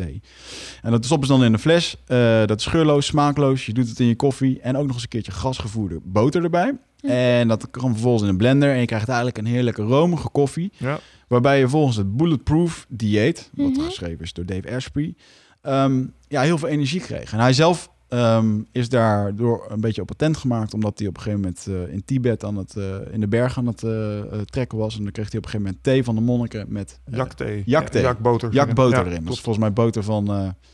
eh, Ja, want bulletproof kun je ook gewoon En met thee jak. maken natuurlijk. jak. hè? Dat is toch Ja. een beest? Of ja, jakboter. Ja, Jak dat- is een ja. grote koe en dan Ja. maken ze boter van de melk. nou, dat is het. En die gooien ze er doorheen. Dus eigenlijk als wij doen, maar dan met een eh, langhaarige koe. En hij Ja. merkte dat hij daar onwijs veel energie van kreeg. Nou, dat is een beetje het verhaal erachter. En eh, ehm, zeker in een eh, dieet van intermittent fasting, Mhm. wat eh, eigenlijk een dieet is waarbij je langere periodes niet eet. Mhm. Eh, wat goed is voor eh, weinig insulinepieken, dat je lichaam niet allerlei alle metertjes uitgeslaan is. Eigenlijk bijvoorbeeld periodes van acht uur eet je gewoon niet. Ehm, dan kan je bijvoorbeeld wel drinken en dan zou je bijvoorbeeld kunnen drinken met dit soort goede vetten. Ehm, maar goed, eh, het is ook wel weer omstreden, want iedereen, sommige mensen zeggen ook van ja, maar ja, het is nog steeds vet wat je binnenkrijgt. Ja, maar dat is typisch weer zo'n ding waar we het aan het begin over hadden. Mhm. Van die, bijvoorbeeld vetten zijn best wel gedemoniseerd in dat Hebben we, het, Ja, hebben we trouwens nog koffie? Want dan ga ik even een kopje zetten. Hebben Volgens mij is die koud, maar Ik ga kijken. probeer het. Laten jullie het werken. gaan we even Ja, want, want, want hoe zit dat met vetten? Want ehm, als je mensen vertelt over bulletproof coffees, is dat ze zeggen, ja, maar ik ga geen boter drinken, want dat is veel te vet. En Ja. dan moet je ze gaan uitleggen dat er nogal een verschil zit tussen verzadigde, onverzadigde en transvetten. Ja. Hoe kijk jij daar tegenaan? Ehm, ja, ik weet dat eh, natuurlijk was het al een, tien jaar geleden of zo. Wel, vetten die stonden echt negatief eh, in de belangstelling. Ja, en? Goh, dat weet ik Cholesterol toch? Ja, ik denk het. Ik denk eh, om gezondheidsredenen. Ja. In ieder geval, het, er werd toen heel veel gepromoot. laag in vet, vetarm. ehm, ja, zoveel, zo min mogelijk vet in je voeding, dat was dan Mhm. goed. Ja. Ehm, en de laatste paar jaar is eigenlijk, ja, is het eigenlijk weer een soort switch. En ehm eh, hoeven, hoeven helemaal niet bang te zijn voor vet. Mhm. Dat is helemaal niet nodig. En ehm, eh, nou, ik ben ook helemaal niet bang voor vet. En De juiste vetten. ja, de goede vetten. En eh, ehm, gewoon een, een, ja, je wil gewoon dat er een goede balans is tussen die macronutriënten. Wat kun je iets vertellen vanuit eh, jouw kennis Ja. eh, en jouw achtergrond over de verschillende soorten vetten? Want je hebt natuurlijk de verzadigde vetten, de onverzadigde de transvetten. Die Ja. laatste met name zijn de slechte en degene die in de koekjes en de chips zitten, Ja. volgens mij. Hoe verhouden die, die zich tot elkaar? Wat is verschil? Eh, wat het verschil is, is de onverzadigde vetten zijn vooral eh, ja, de, de goede vetten. hè. Het voedingscentrum zegt ook wel eens eh onverzadigd is oké, verzadigd is verkeerd. Nou goed, dat is maar de vraag of, het, of je het echt zo moet pakken. wat kort door de bocht. Ehm, misschien nu wel, met de, met de inzichten die zich nu eigenlijk, die, ja, die nu, de, de wetenschap die zich nu blijft ontwikkelen daarop. Even, even een beetje gemene vraag. Dus, ben jij een fan van het voedingscentrum? Vind je van? Nee, ja, nee, het, het interesseert me niet zo heel veel. Nee. Dat, klinkt- zo daar komt het eigenlijk op neer.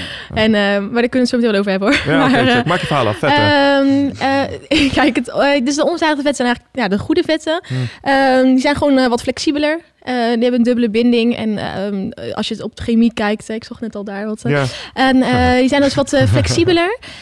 De verzadigde vetten zijn ja, wat stabieler eigenlijk daarin. En eigenlijk wat ja, wat vaak geadviseerd wordt, wat, ja, wat eigenlijk wel nog steeds in de, in de richtlijnen staan, is eh, dat je vanuit je hele voeding wil je ongeveer 20 tot 35 energieprocenten vet hebben. Oké, Dus totale vet. En dan maximaal 10 energieprocent verzadigd vet. Ja. En eh, in zijn totaliteit ook maximaal 1 energieprocent transvet.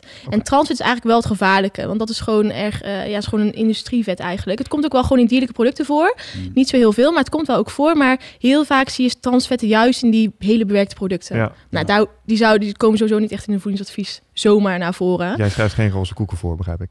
Nee, niet echt in het standaardadvies inderdaad. ja, tenzij mensen hem zelf maken. Dan zou Ja. ik denken, oké, dat kan nog wel.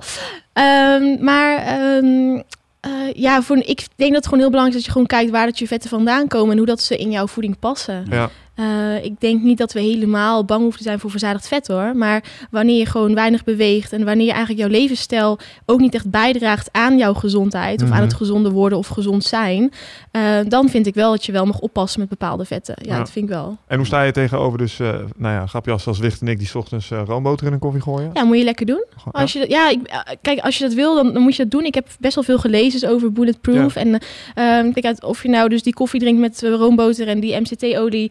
en daardoor bewijs van 400 calorieën binnenkrijgt... ehm, of je hebt een ander ontbijt wat Mhm. soortgelijke energie eh, Ja. levert... ehm, ja, dan moet je dat gewoon doen. Ja. En ik, het is niet dat ik daar tegen ben. Het is wel zo dat iemand waarvan ik weet, ehm, bijvoorbeeld een wedstrijdsporter, het is, ik ben nog niet in zo'n fase dat ik dat nou eh, zou adviseren. Nee, nee, nee. nee. Nog niet, maar wellicht dat het eh, wel een keer voor, dat, dat ik dat, daar wel een keer op kom of dat ik wel denk van, eh, Maar wat Nou, ontbijt is sowieso altijd wel een dingetje voor mensen. Mhm. Eh, de meeste mensen die ook, ja, maar hoe moet ik 's ochtends eten dan? Ja. Ehm, ja, het is heel moeilijk om daar natuurlijk een breed advies in te geven, want Ja. iedereen is verschillend. Maar stel je zou ergens moeten beginnen, ja, gewoon iets wat jij weg kan krijgen 's ochtends. dat is echt, dat is genoeg. Ja, nou ja, we- eh, ja, moet ik dan brood, maar ik vind brood niet lekker of ik kan brood niet wegkrijgen. Hebt ook als Nou, mensen dan- beginnen, Tim Ferriss bijvoorbeeld, die zegt, joh, als jij begint met eh, tenminste 200, ja, 250 gram is wel heel veel, maar een x aantal grammen eiwit in de 60 gram ochtend. eiwit. Ja, Ja. dan bevordert dat vetverbranding in de ochtend. En dat zou een reden kunnen zijn om eiwitrijker te eten in de ochtend. Ja, geeft ja, wel Bullshit, bullshit zeg jij? Nou ja, ik weet niet of het bullshit is. Eh, ik vind het gewoon belangrijk dat je gewoon in ieder geval iets van eiwitten inderdaad binnenkrijgt. Ja. En eh, als je een sporter bent, ook iets van koolhydraten. Zodat je in ieder geval iets kan doen aan die glycogeenverraten in Ja, ja, en dan, dan horen Nee. mensen, oké, proteïne, eh, koolhydraten. En dan, als je dat zou moeten vertalen naar een product. nou, Wat ontbijt je bijvoorbeeld- zelf? Ja, ik eet altijd Brinta met sojamelk. Dus daar zitten eiwitten in en eh koolhydraten. Ja, sojamelk. Oké. Ik drink geen normale melk. Dus, ehm, eh, dus dat is iets van eiwit. Eh, of ik pak iets van, eh, nou ja, dus ook sojayoghurt met, eh, met muesli Ja. bijvoorbeeld. Ja. Ehm, ik eet ook wel eens brood voor ontbijt, maar ik vind dat niet heel. Ik vind dat 's ochtends gewoon niet echt fijn eten. Ik. Ehm, dus in ieder geval iets van, nou ja, als je iets van zuivel wil doen of iets van eiwitten en of eieren kan ook een omeletje kan Ja. ook hè, maar dat je iets combineert in ieder geval. heb ik nog twee vragen over. Eén, waarom geen normale melk? Ja, omdat ik eigenlijk eh veganistisch voedingspatronen hanteer. Oké, helder. Dat is ook wel met soja in zit. Ja. En hoe kijk jij naar soja? Ik heb wel eens begrepen dat soja voor dames hartstikke leuk is, maar voor de mannen iets minder in verband met, ik geloof, Ja, dat- geen bevorderende werking. Ja, maar dan Ja. zou je echt superveel sojamelk. Dan moet je echt liters eh, per Ja, maar dag dat- wegwerken. Ja. Dat Ik, heb niet. ook maar één, één of twee porties soja per dag. Een, ander, een ander punt vind ik wel dat soja een van de meest ehm, gesubsidieerde, eh, ehm, hoe noem je dat, Eh, planten of ehm, Gewassen? gewassen is. Sorry, ja. Ja. Ja. Gewassen is in Amerika. ehm, Ja. Dat daar ontzettend veel mee geknoeid Ja, is. Met, als het gaat GMO om en zo. Genetisch manipuleerd, GMO's. Ja. Ehm, en, maar dat het gesubsidieerd wordt omdat het in heel erg veel dingen toepasbaar is. Mhm. Dus boeren krijgen eigenlijk betaald om soja te gaan verbouwen. Ja, ik vind... Ehm, en ehm, wat je dan dus eigenlijk zou kunnen doen, dat is, of ik zou kunnen, eh, als je het nog verder doet, is dat een hele hoop producten die gemaakt zijn van soja, gemaakt zijn van die gewassen. En Ja. dat is ook een vraagstuk of je daarmee, eh, of je daarmee wat wil doen. ja, klopt. Er is ook, een- ik, ik kan Oh, daar ik- enigszins wel in meegaan. Nu begrijp ik je. Het, is Ehm, een, het is een basisingrediënt voor een heleboel andere Ja, producten. ja, krijg je heel Ja. veel soja binnen. Ja, oké, Ja. snap Ja. ik. Ja. Ja, en eh, er is ook wel zo. Ik, ik vind het zelf ook wel heel lastig om. eh, ehm, ja, welke sojamelk moet je dan adviseren inderdaad? Er zit wel gewoon een prijsrange in, in de verschillende Mhm. soorten sojamelken. Ehm, En dat zie je ook terug in de waarom kwaliteit. Gaan, waarom gaan we niet voor de gulden middenweg en kiezen we voor rijstmelk en dan of allemaal normaal? ja, ja, die bevat gewoon niet zoveel eiwitten. Dus dan Oh, zou je ja. gewoon heel veel moeten drinken. En ik vind de term melk daar ook helemaal niet aan dat, dat heeft niks met melk te maken. Nee, Je het is gewoon water wat in een rijst heeft. Ja, maar de gemiddelde. Nederlander gooit door zijn Brinta melk heen. Ja, en als je dan eh, die melk wil vervangen door sojamelk, dan heb, krijg je in ieder geval nog wel wat eiwitten binnen, bijvoorbeeld. En er zit ook wel wat ver- meer verzadiging in. Hm. Als je dan rijstmelk pakt of amandelmelk, en amandelmelk zit maar 0,3 gram Ja. eiwit, eh, geloof ik, per 100 milliliter. Ja, want wat heel veel Nederlanders eigenlijk niet weten, en dat is wel een, eh, eh, vind ik een heel, eigenlijk heel kwalijk punt, is dat ehm, waarom zijn wij zo'n melkland en melk de witte motor? Iedereen kent dat wel, die reclames. Hm. Dat is gewoon omdat ehm, melk is niet zo gezond. Daar ga ik je zo meteen nog wat over vragen. Ehm, melk is niet gezond, maar waarom is het zo populair en waarom wordt het gezien als, als, als, als gezond? Omdat wij hadden de grootste eh, melkplas in de jaren 80, volgens mij. Ja, in de jaren 80 hadden wij de grootste melkplas van Europa. Het ging slecht met onze economie. En wat heeft de overheid toen gedaan om die economie te boosten? Dat is, die hebben ze eh, campagnes opgezet. Melk de witte motor. Iedereen Ja. kent er nog, waar die stoere gast met zijn leren jasje naar binnen loopt en die melk over die bar heen eh, schuift zo. Ehm, en die term melk de witte motor, die campagne, dat is opgezet om, eh, om die boeren te steunen. En uiteindelijk is daar een ontzettende boost mee gekomen en het idee dat melk gezond is. Dat het helpt voor calcium in je botten.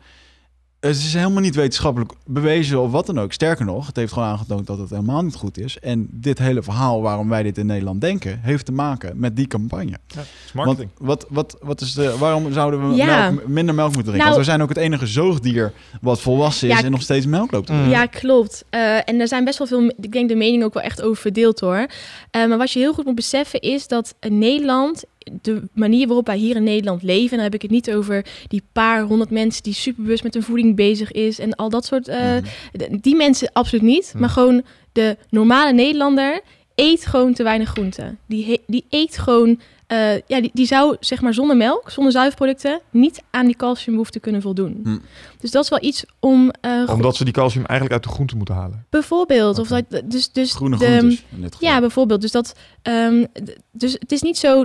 Ik snap wel dat je dan eh, zo'n mening hebt over melk. Alleen voor de normale Nederlander... Ja, is dat de enige manier om dus voldoende calcium per dag binnen te krijgen. Want er zit Niet- wel degelijk calcium in. Ja, Oké. Ja. En Ja. hoe, hoe verhoudt Maar- zich dat dan tot lactose en bijvoorbeeld Ja. dingen als melksuiker? Het heeft ook nadelen. En die nadelen tuurlijk. vind Het ik heeft, ook, het, heeft ook, het heeft ook nadelen. Maar we zouden dus eerst moeten kijken... Hoe, de meeste Nederlanders halen, halen niet eens 200 gram groente per dag. Nee. Laat staan, onze noorderburen die, adv- die hebben eh, de ADH voor groente is, staat op 400 gram. Ja. Nou, daar komen we als Nederland gemiddeld helemaal niet bij. Onze noordenburen zijn in... Eh, volgens mij is het in Zweden. Oké. Zo, ja, Slecht. Zweden.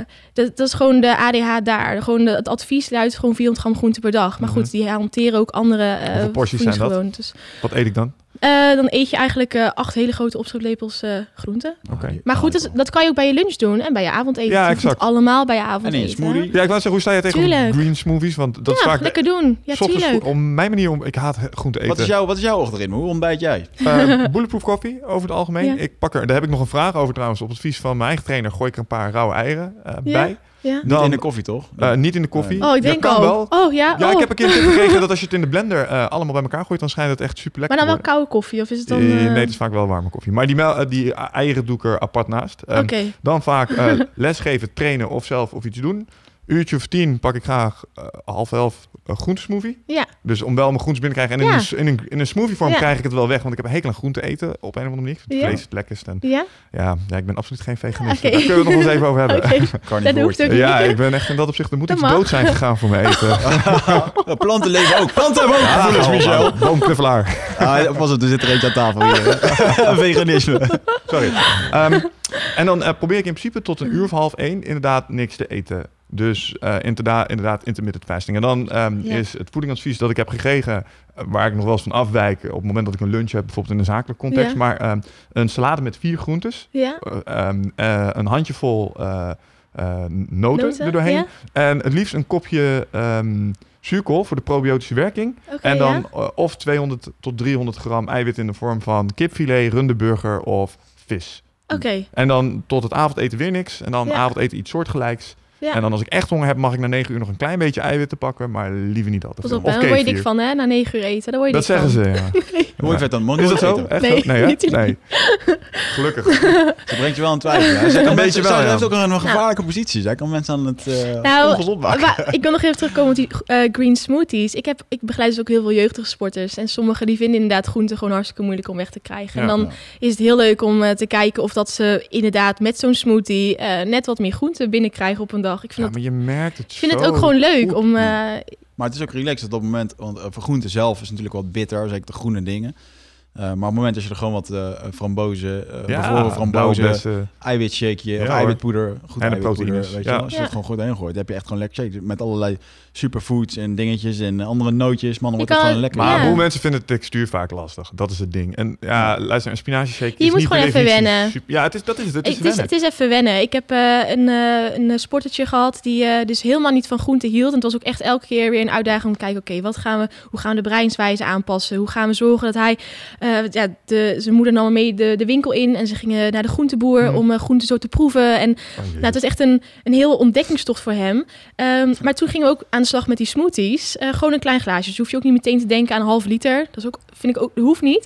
Eh, maar gewoon een wel. beetje spinazie, bijvoorbeeld een banaantje en eh, wat sinaasappelsap. Dat geeft Mm. dan toch een zoetere smaak. Hij Ja. moest wel wennen aan de kleur, want ja, zo'n groen sapje, hè, dat is natuurlijk iets... ja, ik noem het altijd gepureerde hulk. Ja. Klopt, ja. Maar ehm, eh, nou, hij vindt dat nou bijvoorbeeld nu super lekker. En dan denk ik, ja, dan heb ik eigenlijk ja, onwijs veel vliegen in één klap. Want Ja. en hij eet wat meer fruit. En het krijgt op een leuke manier binnen. Hij leert wat meer over voeding. Mm. Eh, en hij krijgt dus wat meer groente binnen. Nou, dat is hartstikke leuk om te Ja, zien. want als je het combineert met je avondeten en je hebt inderdaad ook je salade en je avondeten waar je ook groente eet, ik kan altijd heel goed Ja. merken, niet alleen in termen van eh, sportresultaat, maar ook Ja. hoeveel energie, hoeveel Ja, motivatie, eh, mijn ja. humeur en niet Ja. in de laatste plaats eh, fysiek in de zin van, ehm, nou ja, ik heb een eh haarklein handicap, dus ik Ja. moet regelmatig met de tondeuze over mijn kop en dat moet aanzienlijk vaker op het moment dat ik echt regelmatig mijn groentes binnenhark en ik moet Oké, vaker mijn ja. nagels knippen en dat soort dingen. Het is Ja. onmiskenbaar dat het gewoon goed Ja. is voor je lijf. Het is ook goed voor je Ja. lijf, ja. Dat is goed dat je dat zegt. Want nu ik erover nadenk, ik irriteer me eraan. Want ik af en toe gewoon, fuck, ik moet weer nagels knippen. Ja, weet je wel. maar dat is dat. ja? Dan Ja, eet voor gewoon mij sinds goed. ik dat- Ik ja. ga gewoon met groente eten hoor, want uh, Ja. uh, kost veel tijd. Mischips, ja. Hey, en uh, wat ik wel, een, uh, want smoothies en zo is natuurlijk allemaal uh, wel lekker en zo, maar vaak is het inderdaad van, um, we hebben hier nou, volgens mij hebben we in dit uur meer uh, kennisfeitjes gedeeld dan in de afgelopen podcast, als het gaat om uh, kleine weetjes en dingetjes. Zo fijn dat je die shit kan terugspoelen. Absoluut, maar um, als mensen nou vragen van waar moet ik beginnen, dan geef ik ze meestal advies van, joh, weet je, um, ja, kijk gewoon eens een keertje rustig naar het paleo-dieet. Want als je terug wil gaan naar de basis. Um, ik vind persoonlijk het paleo-dieet, wat er eigenlijk op duidt dat je teruggaat naar wat wij, en dan doe ik het even tussen aanhalingstekens, in de oertijd aten.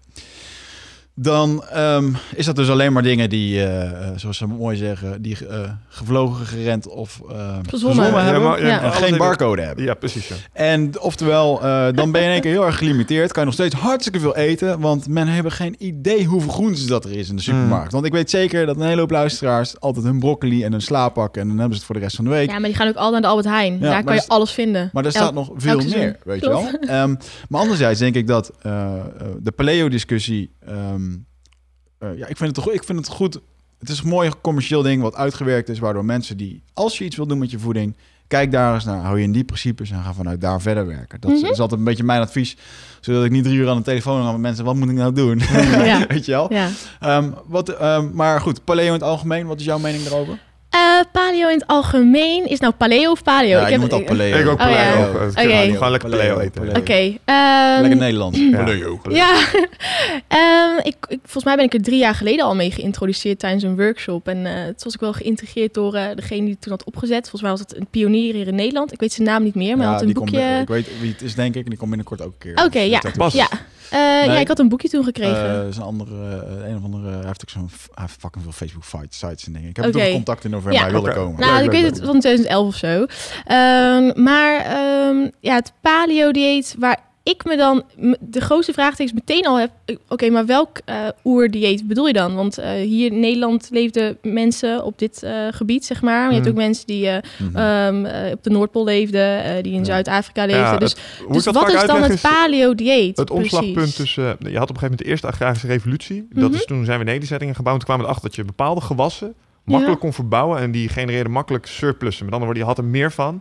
En Maar het kon alleen maar op dit continent of op het continent in Zuid-Amerika. Tarwe, bijvoorbeeld. mais en dat soort dingen met name schijnen Ja. toen echt het dieet ingekomen zijn. En Ja. de zuivel, want voorheen ja, had je geen koeien. Ja, maar de, de naam Hunter and Gatherers betekent dat je, eh, je had de jagers en de verzamelaars die de, die de zaden uit de grond pakten, dat soort dingen. Maar Ja. op een gegeven moment is je leefgebied op. Op als je met 20 man op, eh, op een kilometertje gebied woont. ja, maar dat is het een ding van gegeven jagers dat zijn nomaden, die trekken door. Ja, maar dan ga je dus door. Maar dat betekent dus ook dat je andere vegetatie bij tegenkomt. Dus een paleo-dieet wat hun deden, was altijd gevarieerd, omdat ze van plek naar plek gingen. maar misschien gaat er nu ten onrechte vanuit dat ze een heel Ja. continent doorkruisten. Eh, Nou, ik- ik ja. wil niet- Ik weet niet of een Neandertaler Ja. uit Nederland uiteindelijk in Spanje terecht was gekomen. Denk het niet. Nee, nou ja, Wel dat als er een meer... cybertandtijger achter je aan zit. Dan ga je heel hard ja, zo gaat die. Nou, dus dat is, altijd, dat is de, Oh. de eerste vraag. Ehm, Of en, een zateltand eigenlijk. nou, Ja, dat is zeker de eerste vraag. dat weet ik ook niet. Ik heb niet op Facebook gelezen of zo, maar... Nee, nee, nee. Ehm, maar ehm, eh, dus wat ik eigenlijk met het paleo-dieet... eh, volgens mij is een van de principes dat eh, dat paleo-dieet is geïntroduceerd... om dus eh, zo gezond mogelijk eh, ehm, het leven door te gaan. Hè? Dus wanneer je dus het de principes van de oermensen zou hanteren... dan heb je hopelijk ook minder kans op eh, eh, al die welvaartsziekten. Mm. Ja. Dus dat is volgens mij de uitgang. Waarom mensen eh, allereerst paleo zijn begonnen. Zoals ik het begrepen had, was het, zat het er met name in het feit dat die gewassen waar we het net over hadden, de mais en de Ja, dat die ziekmakend waren. En ja, dat, we dus... iets minder optimaal gebouwd zijn om die te verwerken. En dat dat een soort Ja. van ja, biologische overhead met zich meeneemt. Dus Ja. je lichaam moet er meer moite voor doen. En daarom Ja. is het minder optimaal als Ja. al die dingen die je eerder En er had. zijn ook echt mensen die dus bijvoorbeeld met celiakie, die dus ook echt geen gluten kunnen verdragen. En eh, eh, mensen met bepaalde sensitiviteiten, die dat is natuurlijk ook Hoe- Hoe zo. je dat? Eh, bij celiakie. Dus en dan, dat is dus eh, glutenallergie ja, ja. dus dan kun je ook dus niet tegen gluten. Eh, en dat is 1% volgens mij van de bevolking. Ja, want de gluten... maar goed, volgens mij is iedereen anno nu eh, in één keer ook eh Anti-gluten. anti-gluten. Ah, ik, Niet terecht, ik heb ik vorige week nog op mijn Instagram eh, een afbeelding gepost met eh, shutting the fuck, off is gluten free. Add that to your diet. ja, ik, Omdat- ik, had, eh, ik had... Oh, vertel, sorry. Vertel. omdat gewoon inderdaad, nou goed, weet je, heel veel mensen zitten natuurlijk op gluten. eh glutenallergie is zeker Mhm. iets. En wat veel mensen ehm, niet weten, maar wat is nou een glut? Gluten is een eiwit. Ehm, waar ik echt gewoon eh, jeuk van kreeg, was dat ik weer zo'n voedingscentrum eh, artikel las, waarin Eddie Zoe, die ze dan inhuren en nog een lab geld te vergeven, Ja. laten vertellen dat gluten hetzelfde soort eiwit is. Dat Allegedly, hè? We ook- weten dit niet zeker. Nee, oké, maar eh, allegedly inderdaad. Ja. Maar ehm, waarin ze vertellen, gluten is helemaal niet erg, want het is hetzelfde soort eiwit wat in vlees zit. Ja, daar ben ik het niet mee eens. Eh, ik weet niet of je het zo kan zeggen, Ik ben inderdaad. geen biochemicus, Nee, maar dit maar zou je ook kunnen Wikipedia. Zo makkelijk werd het verteld. Ja. En, maar goed, het vo- voedingscentrum vertelt het op een manier dat elke Gemiddelde Nederlander. Ja. Jij wou iets Eh, anders zeggen. eh, nou ja, goed, dat elke Nederlander. dat, dat iedereen het makkelijk moet snappen. moet makkelijk Ja. behappen zijn. Ehm, maar het is gewoon zo niet waar. Het is Mm. te, te makkelijk om te zeggen van joh, ehm, dat het gewoon maar oké is. Ja, nou ja, wat ik dus vind is bijvoorbeeld met die gluten. ehm, ik, ik denk dat mensen worden gewoon een beetje bang gemaakt voor dingen die er helemaal niet zijn. Mhm. En ik bedoel, eh, er zijn dus ook echt mensen die, dus echt die allergie hebben, waarbij het lichaam dus echt een reactie geeft op, eh, op die gluten. Eh, kijk, en die mensen die, ehm, eh, die eten glutenvrij. En, en glutenvrij eten op zo'n manier is helemaal niet leuk.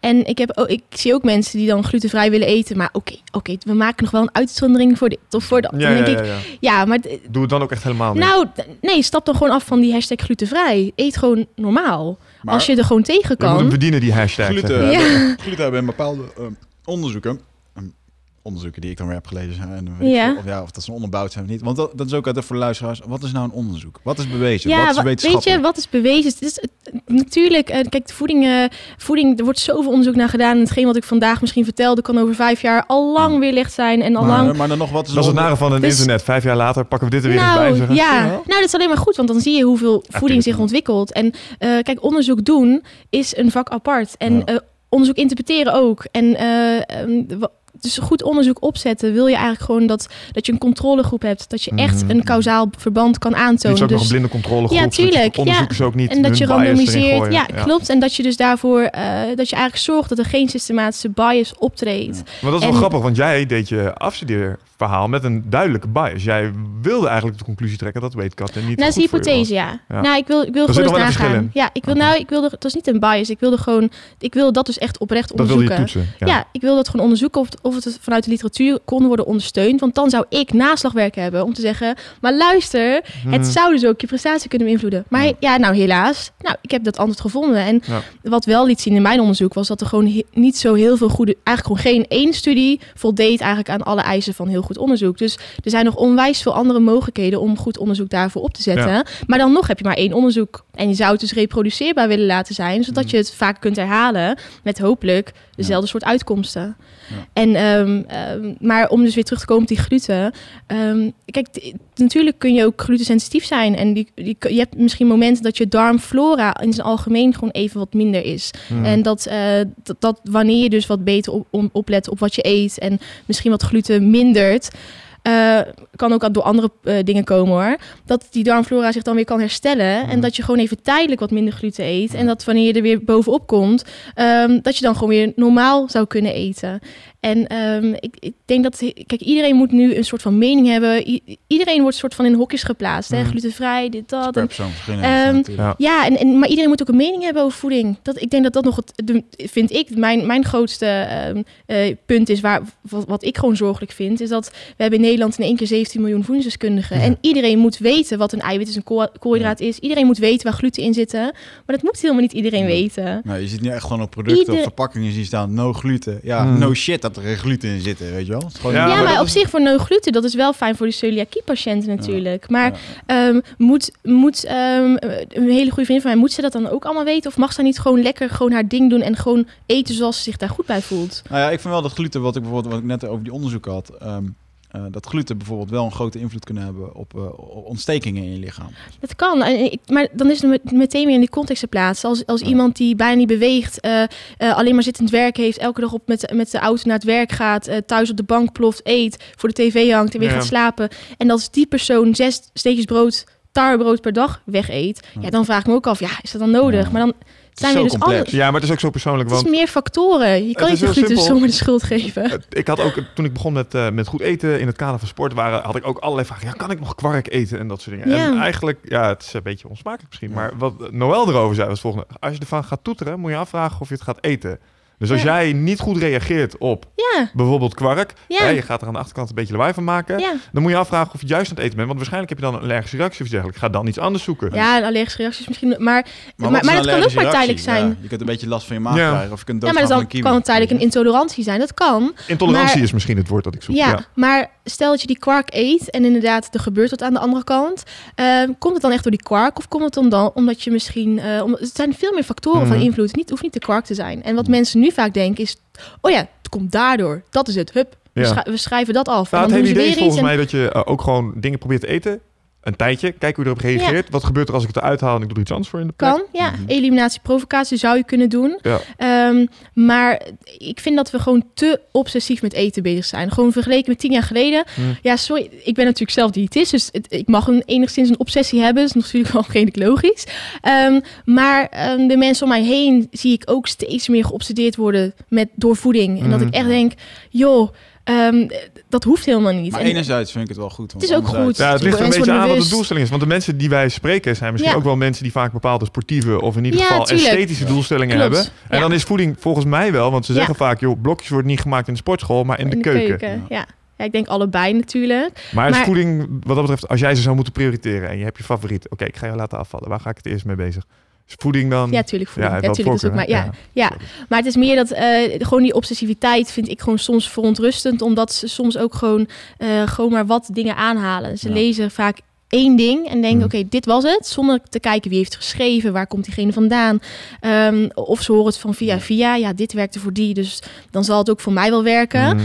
En eh, voor je het weet zit je in een of ander dieet, of noem het een dieet of een levensstijl, ehm, waarin je jezelf dingen gaat verbieden, want dat mag niet. En, en daar ben ik een beetje allergisch voor, voor het niet mogen van bepaalde dingen. Ehm, zonder dat daar echt een doorgronde reden of echt een goede reden achter ligt. Dat vind ik Mhm. dan soms gewoon zonde, dat ik, als ik dat dan zie. Nou, je moet echt door de Dus, jaren eh, heen, moet je gewoon je eigen weg erin gaan vinden. Want Tuurlijk, ja. Maar ik bedenk me net, ik maak me er zelf wel een beetje schuldig aan. Want als ik mensen eh, die me vragen van, joh, eh, wat moet ik met voeding? Ja, begin maar eens met je suiker eruit. Hè? Ja. Vaak een van de eerste dingen, Ja. gewoon, eet je nog snoepjes? Nou, dat mag ook iets minder. ja. Ja, ik ben daar wel redelijk Ja. rechtlijnig in. Van, nou ja, een heleboel dingen die je in de winkel kan kopen zijn echt niet bevorderlijk voor je doelstelling. Dus Ja. ik zou ze maar uit mijn dieet laten als ik Maar dan was. is het dus, eet je te veel suiker als in te veel suiker dat in snoep zit? Of Hmm. is het suiker in het algemeen? Ja. Want suiker zit ook bijvoorbeeld dus in melk, kan ook Ja, melksuiker. ja, of, eh. Of of in fruit, weet je wel. Dus, dus het is niet dat suiker de boosdoener is, maar juist die geraffineerde producten, Ja. eh, die koekjes, die, al die, ja, die, die, die zooi, zeg maar. Crap. Maar dan nog, als, als iemand eh, dat af en toe wil eten omdat hij Oreo's kei lekker vindt en dat af en toe wil eten met wat melk of zo. Ja. Ja, als dat dan in, de, in zijn levensstijl past. Maar dat is wel- een nuance, hè? Want je hebt ook is die een cheat days natuurlijk. Je oh, kan... verschrikkelijk. Hou op, Dat ga vind je weg. Oh, verschrikkelijk, nee. Vertel. Ja, de- oké, we, we, doen, we gaan dit dieet volgen. En dan Eén doen we de wel week. één cheat day. Denk ik, ja, of wat, cheat meal. Cheat Cheat day voor de luisteraars betekent dat je één dag mag eten wat je wil. Ja, en gewoon eh, losgaan. wat je dan een beetje ziet eh, van mensen die... Oh, Ja, die gaan cheat helemaal day, is los. dat ze in één keer helemaal losgaan. Ja. Yes. Ja. thee, pizza, domino's. Alles ja, maar dan zou ik gewoon doen, eet gewoon normaal. En eet ook gewoon een frietje, punt. Maar ga dan niet die hele cheat day zo vastzetten dat dit een cheat day is. Of het nou, ja, dat vind ik dan zo... Want heeft, eh, onder de streep maakt het niet uit, zeg je. Nou, ik wil gewoon dat je lekker van je ding kan genieten. En of het dan op een so-called cheat day is of... eh, Ja. want een cheat day maakt meteen weer zo dat je op alle andere dagen Netjes iets niet eten. mag. Ja. Maar op die cheat day mag je die dingen dan weer wel. Ja. Dus dat heeft weer met die restricties te Dan maken. ben En, je dan gewoon een cheat meal, weet je wel? Dat je Ja, eenmaal- ja, ja, eenmaal dat maar ik zou het niet eens een cheat meal noemen. Noem het gewoon friet. Noem het gewoon pizza. noem ja. het gewoon Maar wij willen, graag, junk. wij willen graag alles in hokjes plaatsen. Ja, we zijn Da- eh, lekker dat, geprotocoleerd. doen mensen, weet Maar je. doordat je dat doet, ga je zelf eh, bepaalde restricties opleveren. En, Ja. en, en als het dan een keer misgaat, want dan eet je een keer een frietje dat niet op een cheat day was, ja, dan heb je weer de balen erin. Ja. En dan, dat heeft allemaal weer effect op hoe je dan die volgende dag Oh, instapt. dat is je zorg. Ja, ja, ja. Dat, ja, dat vind ik gewoon verontrustend. En bij mij in de praktijk ook, jij zei net bijvoorbeeld, eh, als ik dan goed heb gegeten of zo. ja.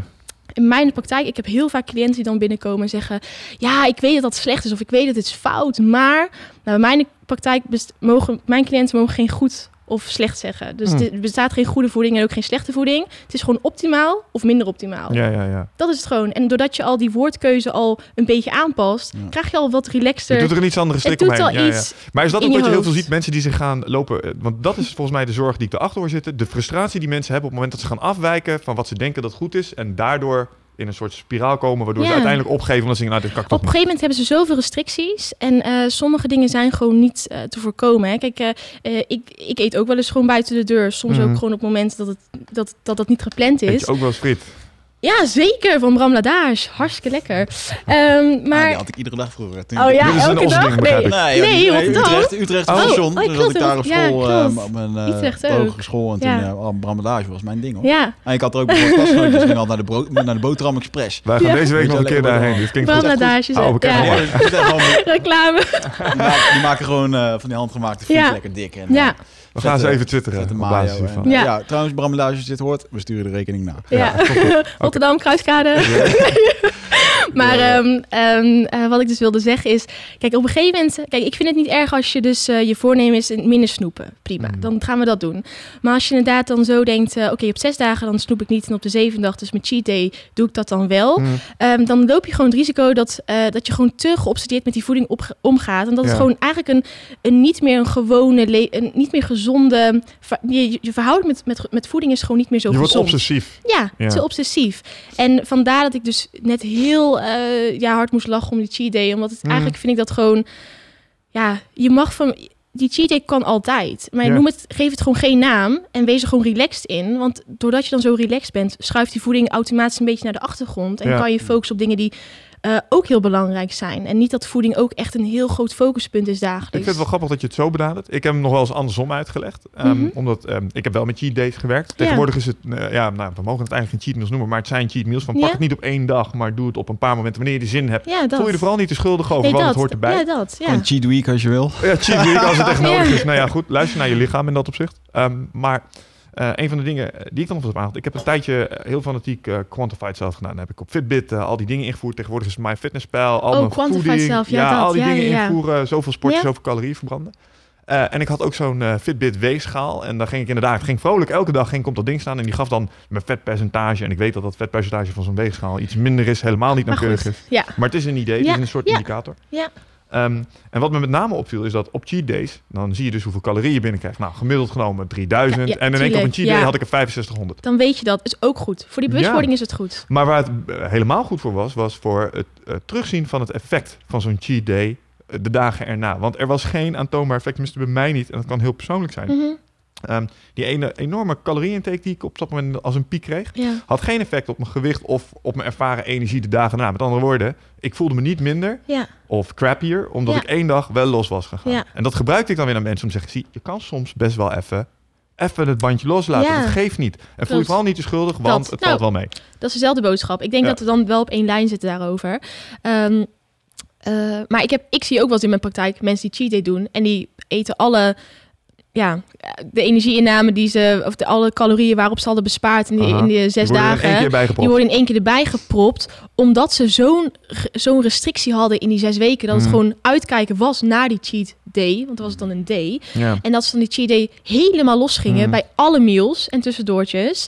Ehm, dus dan bereik je ook nog niet echt wat je wil. En je wil is dat ze juist eigenlijk zonder dat het beestje zijn naam heeft, Mhm. eh, dat ze dus uit eten kunnen gaan. Of dat ze eigenlijk van, eh, voor zichzelf kunnen bepalen. Nou, als ik dan een keer naar een all-you-can-eat sushi-restaurant ga Mhm. en mezelf helemaal volprop met die vijf rondes, waarbij je vijf dingen kan bestellen en dan helemaal het verder dan uitrol. 103 trouwens. Ja, bewijzen van. Maar dat je dan eigenlijk zelf weet, oké, dit was eigenlijk wel genoeg. Ehm, voor morgen kan Mhm. ik wat beter weer opletten. En dan ga ik gewoon wat meer bewegen. En Ja, maar dat is ook maandag dingetje, ook? Ze proppen zich meteen tot aan de nok toe vol. ja, omdat ze dus die cheat day, omdat Ja. het een soort van vrijbrief is van all the way. Ja. En, en die vrijbrief, eh, ja, daar heb ik dan dus mijn twijfels bij. Maar als je het zo, natuurlijk, als je die bewustwording wil creëren, Mhm. ja, natuurlijk is dat fijn. En net als mijn fitnesspel is hartstikke handig voor soms voor mensen om gewoon in te zien wat ze nou op een dag binnenkrijgen. Ja. Want sommigen gaat zoveel onbewust zo snel ja, allemaal nou, naar ik binnen. heb omgekeerd laatst weer een tijdje gemaaid fitnesspeld. En ik kom erachter dat ik structureel te weinig eet. Ik zou meer moeten eten. ja. 102 meter. Ja, we hebben daar ook nog 95 even een afspraak, dus dat, eh, kilo. dat kan.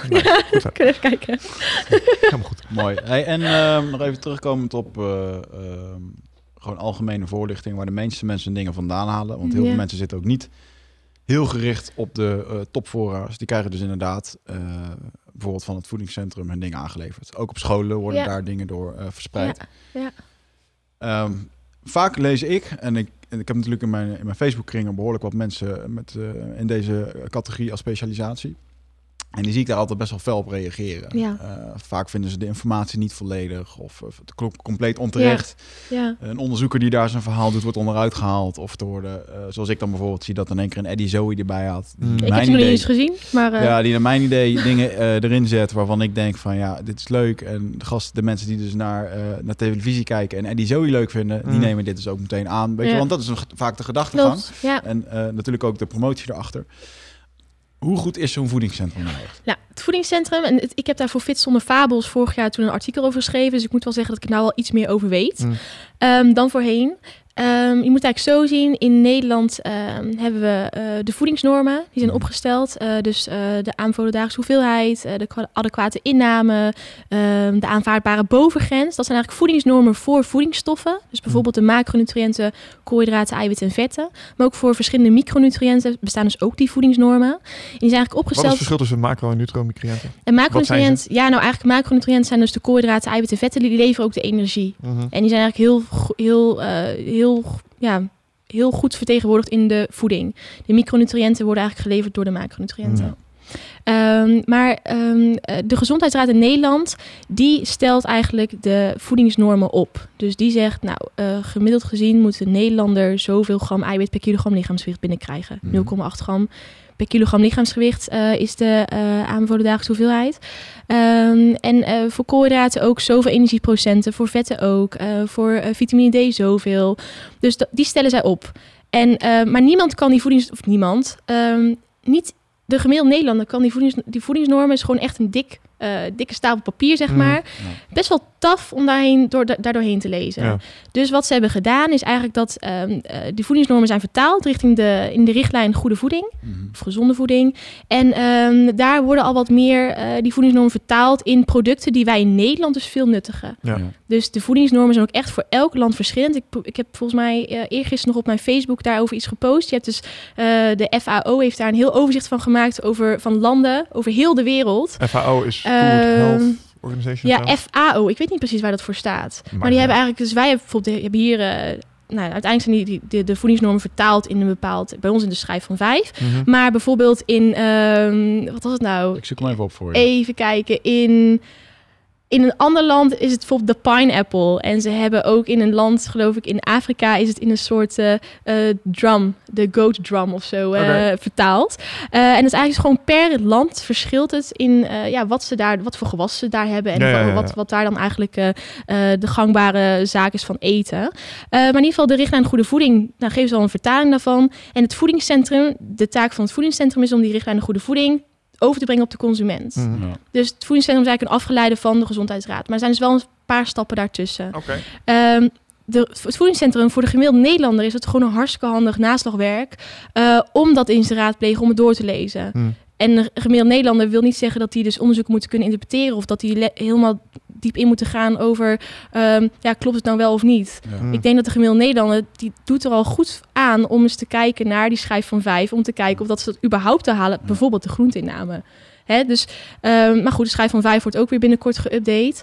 Eh, maar dat is dus de taak van het voedingscentrum. Maar, Zelf, sorry. ja, doe ik niks met het voedingscentrum. In, sorry dat ik daar een beetje in onderbreek, maar ik vind dan inderdaad eh, het advies wat ze geven, dan zie je gewoon optimaal in voorbij komen. Ja. Ja. Terwijl ehm, als er iets gewoon een bewerkt product is. ja, klopt. eh, het gaat ook niet over de bewerktheid van producten. Ze, ze proberen gewoon eh, te kijken hoe dat je, ehm, volgens mij, laag in verzadigd vet, laag in eh, zout, geloof ik, laag in suiker.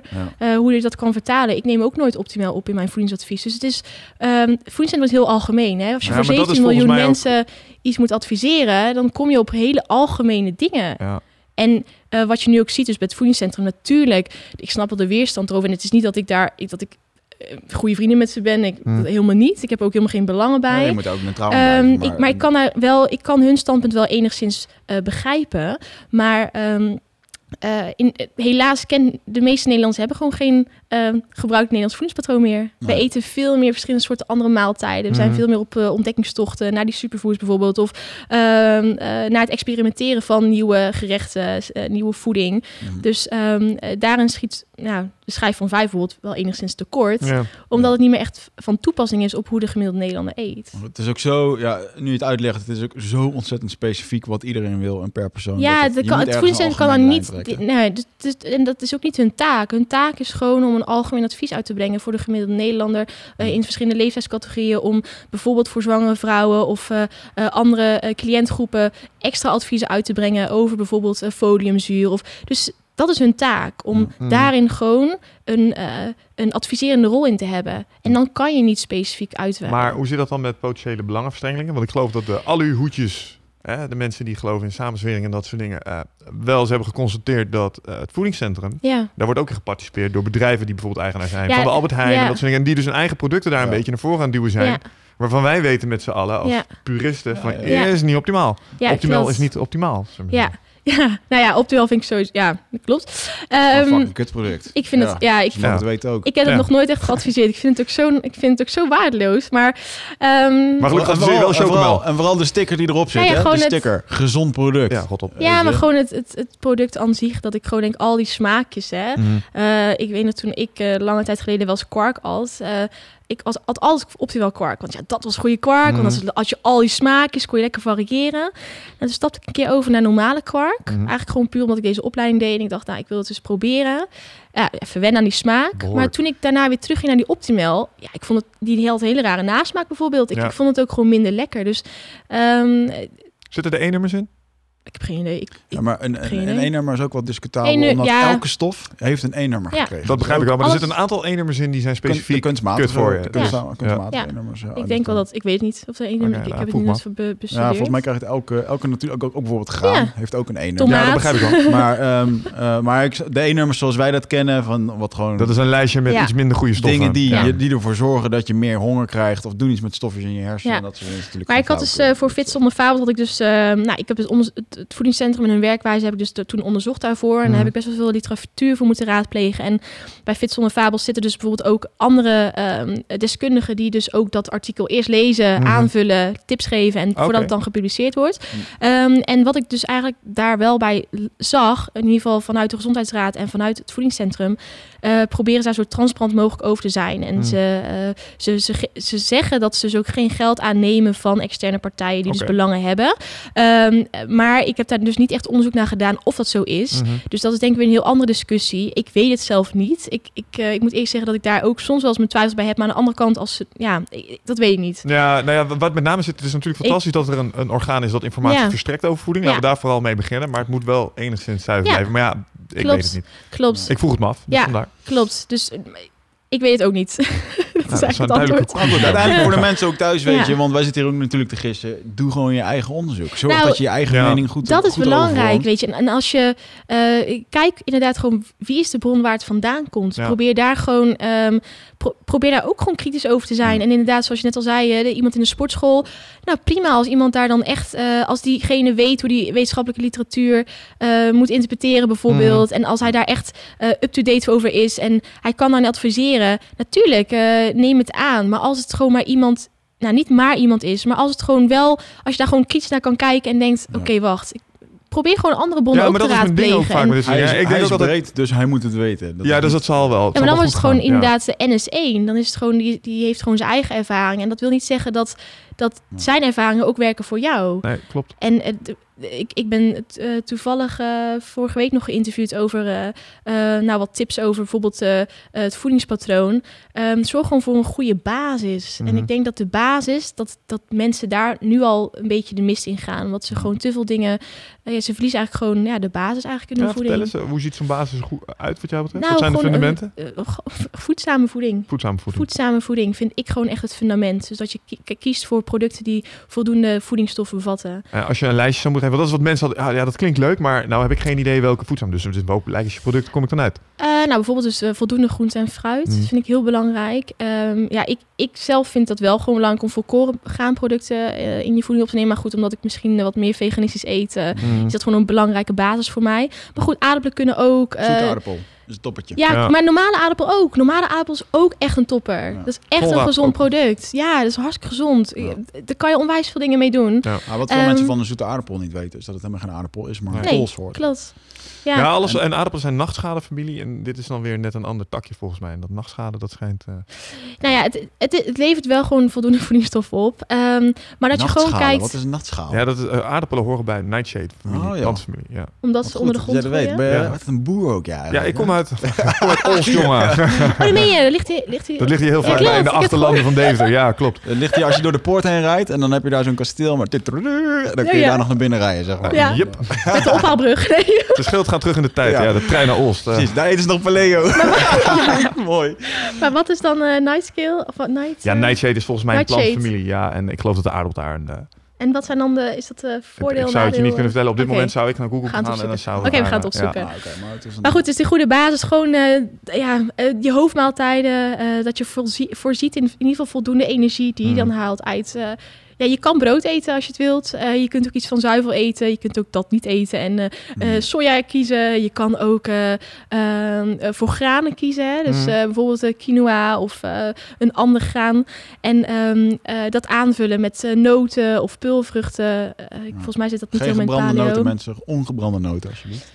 Ja, kan. Geen gezouten noten. Zijn Ja, alles kan goed volgens ook. mij? Ja, Nee, ja, maar jij bent, kan, nee, het bent heel het flexibel. maar voor jou is het een... Je, je, Het is de context. Ik, Ja. Ik, ja ehm, eh, dus dat je daar een soort... Dat, dat je dus probeert te kijken wat voor jou werkt inderdaad. Ja. Maar dat je dus heel goed kijkt ook... eh, ja, gewoon een beetje boerenverstand ook gewoon gebruikt. Ja. Ik denk dat dat ook wel gewoon enigszins belangrijk is. Ja, en niet, maar- niet dat je drie eiwitshakes op een dag gaat doen. Want dat vind ik... Ja, is het dan gezond? Dat weet ik ook niet. Dat is wel grappig dat je dat zegt. Want met supplementen merk je dat ook heel erg. Op het moment dat je in een supplement zit, gaan mensen een heleboel vragen stellen. Ja, wat is dan allemaal goed? En dat. Ik denk dat als ik jou was, voordat ik zoiets überhaupt zou overwegen om het in mijn hoofd te duwen, zou ik Kijk het eens googlen. naar de... Ja. En dan zou ik gewoon eh, niet eh, me beperken tot de eerste twee hits die ik tegenkom. Nee. Ik zou gewoon echt even proberen er wat over te lezen. Dat kan als diegene daartoe in staat is en er de tijd voor heeft en ook de ruimte voor heeft om dat te doen. Mm. En anders benader gewoon een expert op het gebied van voeding. Mm. Eh, als ik iets met mijn knie heb, eh, ja, sorry, maar inderdaad, ik kan op Google gaan kijken wat er met mijn knie is, maar dan, dan verlies ik daar ruim twee uur à drie uur de tijd op. Ja. Ehm, ik kan ook gewoon mijn fysio bellen, langs gaan, eh, even kijken wat er aan de hand is. Dus het is maar net, Mm. ehm, eh, wie, wie wil je raadplegen en Mhm. heb je dus die tijd en energie voor? En wordt er ook van jou verwacht dat jij al die, die expertise, dat jij die ook, tot, dat je die ook hebt? Ik, ja, Ja, dat is wel ook zelf wat te doen. Maar ja, ik snap Ja. wel wat je zegt. Ja, dat klopt. Hey, en eh, waar ik het ook wel eh, nog eventjes een soort van afsluitende modus over wil hebben. Want we zijn alweer bijna, goed, we zijn bijna twee uur Ja. voorbij. Ja, tijd gaat snel. Ehm, maar ehm, jij bent ehm, de afgelopen tijd ehm, het pad opgegaan van veganisme, ja. ehm, vegetariërs. En weer van afgeweken half, maar eh, Wat zeg je? en weer een beetje van afgeweken. Ja, maar- oké. je bent er flexibel in geweest, maar je hebt het wel gewoon geprobeerd, denk ik, Mhm. ook om te ervaren. Ehm, wat je vaak hoort, dat mensen die dat doen... eh, en ik las laatst wel een mooie eh, meme op internet van... ehm, ik was op een feestje en er was een crossfitter en een vegetariër. en Ja, de reden ja, waarom ja. ik het wist, is omdat ze het binnen twee minuten aan iedereen verteld hadden. En dat is ik wel heel erg op Ja. Facebook. eh, ik ben veganist en ik Ja, heb zo'n energie en eh, Ja. de huid straalt. En ja, Ja. oké. Maar ja. wat, wat is, waarom, waarom ben je veganist geworden? Waarom eh, heeft het ook daadwerkelijk gebracht? Wat, Ja, het is goed dat je dat zegt, want ik ben dus, eh, ik, dat, dat is meteen wa- wa- waarop ik wil inhaken. Ehm, ik was inderdaad veganist, maar door dat hokje Mhm. kon ik eh, zelf gewoon niet meer, vond ik fijn met voeding omgaan. Dus ehm, inderdaad, dat, dat hokje vind ik, dat, dat gaf mij eigenlijk weer het, eh, ehm, eigenlijk, ja, door, door in dat hokje te blijven zitten en, en door dus ook te zien, te gezien te worden als veganist, eh, ging ik ook eh, op een bepaalde manier leven en kreeg ik ook zelf een heel andere band met voeding. Ehm, waardoor ik dus nu een veganistische levensstijl enigszins nog wel hanteer. Mhm. Maar ik ben daar wel flexibel in geworden. Mhm. Dus ik wil niet meer in dat hokje veganist eh, ge- gestopt worden. Ehm, Dus maar hamburgers dat, staan weer op het menu. nee, niet. Hmm, nee, oh, oh, nee, ik hoef geen ik- vlees. Dat, nee, dat heb ik gewoon. Nee, dat hoef ik gewoon niet. Maar heb je daar geen behoefte meer aan? Nee. Omdat je, geen, eh, omdat Oh, je dus een tijd geen vlees hebt gegeten? Of ik omdat was je een nooit al bepaalde gedachte Nee, ik heb nooit echt een Is het relatie een gehad met ethisch ding vlees. voor je? Eh, voor mij sowieso ethisch. Ja. Eh, ik, gezondheidsredenen, ja, er zullen vast wel genoeg gezondheidsvoordelen aan vastzitten aan zo'n Mhm. veganistisch voedingspatroon. Mhm. Bij mij is vooral, vooral. Bio- Had, had, je het idee Ja. dat je in één keer heel veel, eh, want dat is vaak een ding, kreeg je in één keer meer energie? Ja, natuurlijk kreeg ik meer energie, want ik ging veel meer eten en ik, ik moest onwijs veel op mijn voeding letten. En ehm, ik, deed eigenlijk, ik begon eigenlijk ermee met, veganisten, met zo'n ve- eh, veganistisch voedingspatroon, omdat ik die vegan challenge, ik deed daaraan mee vorig jaar april. Mhm. Eh, en natuurlijk had ik meer energie, want ja, Wat moest je Eh, doen bij, voor die vegan challenge? Een x-aantal dagen gewoon vegan eten? ja, toen 30 day challenge Oh, ja, en dan ja, ja. veganistisch eten. Eh, maar goed, omdat ik natuurlijk diëtist ben, had ik natuurlijk al wel al mijn voeding berekend. En ik had voor Mm, elke dag een nieuw iets. En ik had het op sporten, want ik deed toen onwijs veel crossfitten. Dus ik had helemaal op afgesteld. Natuurlijk had ik meer energie. En natuurlijk zette ik PR's in die maand. Maar Mm. of dat echt door het veganisme kwam, weet ik Ja. niet. Maar ik voelde me gewoon... Ik had gewoon een nieuwe challenge. Ja, ja, ja, Hè, ja, dus- ja. Ehm, en daarna ben ik eigenlijk een beetje in blijven hangen. En doordat ik in bleef hangen, eh, stapte ik zelf eigenlijk in dat eh, hokje vegan. Ja. Ehm, en op een gegeven moment kreeg ik dus een hele andere band met voeding. En, en had ik ook dus die restricties waar ik zelf dus niet helemaal in geloof. Mhm. Ehm, eh, ik, dan was ik ergens, dan gingen we met het hele team uit eten. En dan was het van, eh, oké, ik kon er niet flexibel mee omgaan. Dan aten we hutspot of iets van ander van een, eh, een, een prakje of zo. En zat, zat boter of mel- melk in. Mhm. Eh, daar kon ik dan niet flexibel mee omgaan. Dus dan, Ja, wat, wat definieert een veganist nou eigenlijk? Je hebt vegetariërs, die eten geen vlees. En ja, heb je vegan is eigenlijk gewoon niks gaan... dierlijks. Gewoon alle dierlijke Ja, ja, producten haal je eruit. gestoorder, Ja, maar eh, dus toen ben ik eigenlijk weer vorig jaar... Oké, eh, Michel eh, zijn Twitter is... Boom! Ja, nou, dus, dus toen ben ik vorig jaar of afgelopen december eigenlijk wat meer, heb ik mezelf wat meer ruimte gegeven om echt te kijken, oké, wat, wat, wat- Mm. waar voel ik me nou prettig bij? En ik heb nog steeds een onwijs aversie tegen vlees, maar dat had ik al daarvoor, want Ja. ik, ik at al bijna geen vlees en ik vond het al vies om kip aan te raken überhaupt. Dus dat had ik al voor, al in de jaren voordat Maar ik. zelfs als iemand die van vlees houdt, gehaktballen draaien is ook niet mijn favoriete onderdeel van het koken hoor. Nou, Dus, eh, als mensen dat doen, moeten ze lekker zelf weten.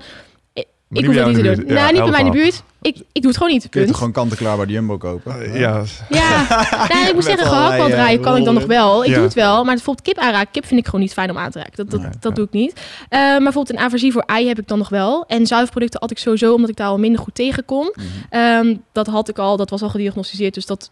Dus voor mij was het heel makkelijk. Mhm. Ehm, en nu ben ik gewoon wat flexibeler. Dat als ik uit eten ga en ze hebben geen veganistisch menu, dan kan ik gewoon vegetarisch gaan. ja dat, weet je al Ja, zo. helder.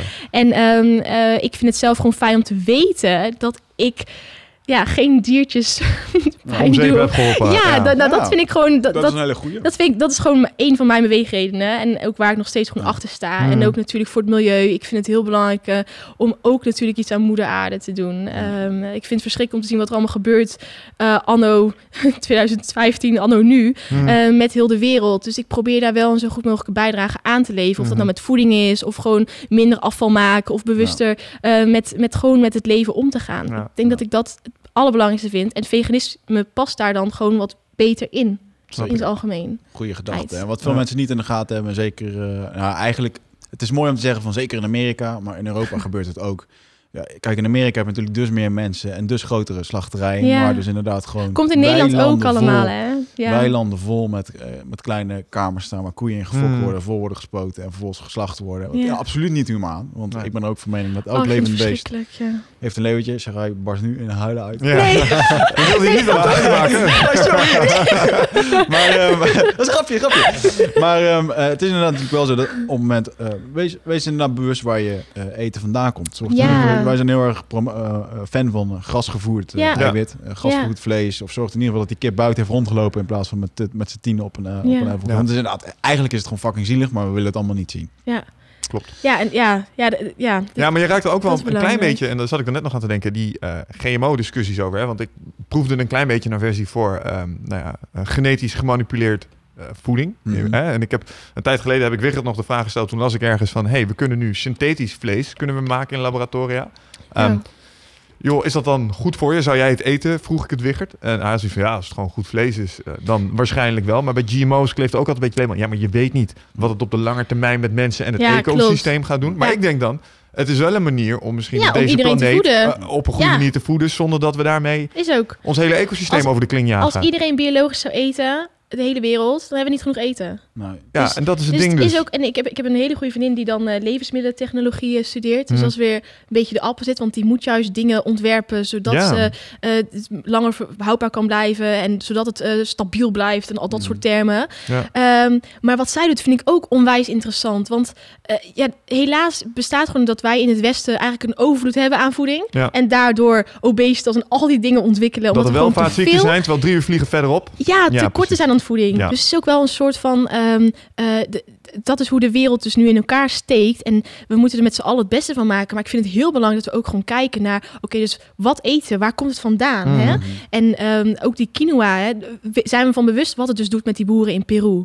En dat, dat, dat, we Ja. daar ook wat... Is het- Fairtrade is dan bewustwording- zo'n ding volgens mij, toch? Ja, maar dat is ook Ja. weer dus een beetje achterhaald. Hè? Dus, Ja. ehm, eh, dus het is heel belangrijk om gewoon eens te kijken... wat ligt op mijn bord? Waar komt het vandaan? Ik denk Goed dat de om je kinderen... lokale, je lokale suppliers te Ja, maar Ja. ook gewoon Ja. ga eens met je, als je kinderen hebt of neefjes of nichtjes, ga eens met ze, met ze naar de plaatselijke boer. Laat ze eens kijken, waar komen wortelen vandaan? Ja. Waar komen aardappelen vandaan? En waar rijst? Nou, geloof me, als je uit Os komt, dan weet je dat allemaal wel. Maar eh, Ik had vorig, jaar ben ik, vorig jaar ben ik begonnen met een, eh, met mijn, eigen- in mijn eigen tuin dingen kweken. Jee, ik het ook. is fucking lachen. Ja, weet het je? gewoon zo'n vierkante meter Ja. eh, gekocht bij, eh, bij het lokale Boerenbond. tuincentrum. Boerenbond. Geloof voor 20 euro gooi je er eh, zand, in, zand in en eh, sla. En je hebt echt, en het, idioot is dan, dan doe je er al die dingen in. En vervolgens heb je in één keer, in één week heb je 20 acht kop. koppen sla. Ja, maar dat heb je niet goed gepland. Ja, ik had een planning dat is gemaakt. dus een ding. Ehm, Ja. je had weet Excel je, sheets. ik- Ja, ja, zeker. Me niks. Ja, ik, ik, ik was het daar inderdaad toen mee eens. Dus ik heb toen heel veel in de smoothie gegooid.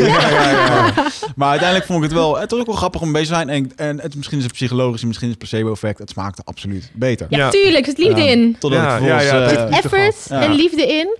totdat ik vervolgens mijn kat zag die... eh, Eroverheen pissen. Ja, en toen dacht je, oké. in de Ja. winter zag ik in één keer die kat op die bak zitten. Toen dacht hij echt van... Hmm.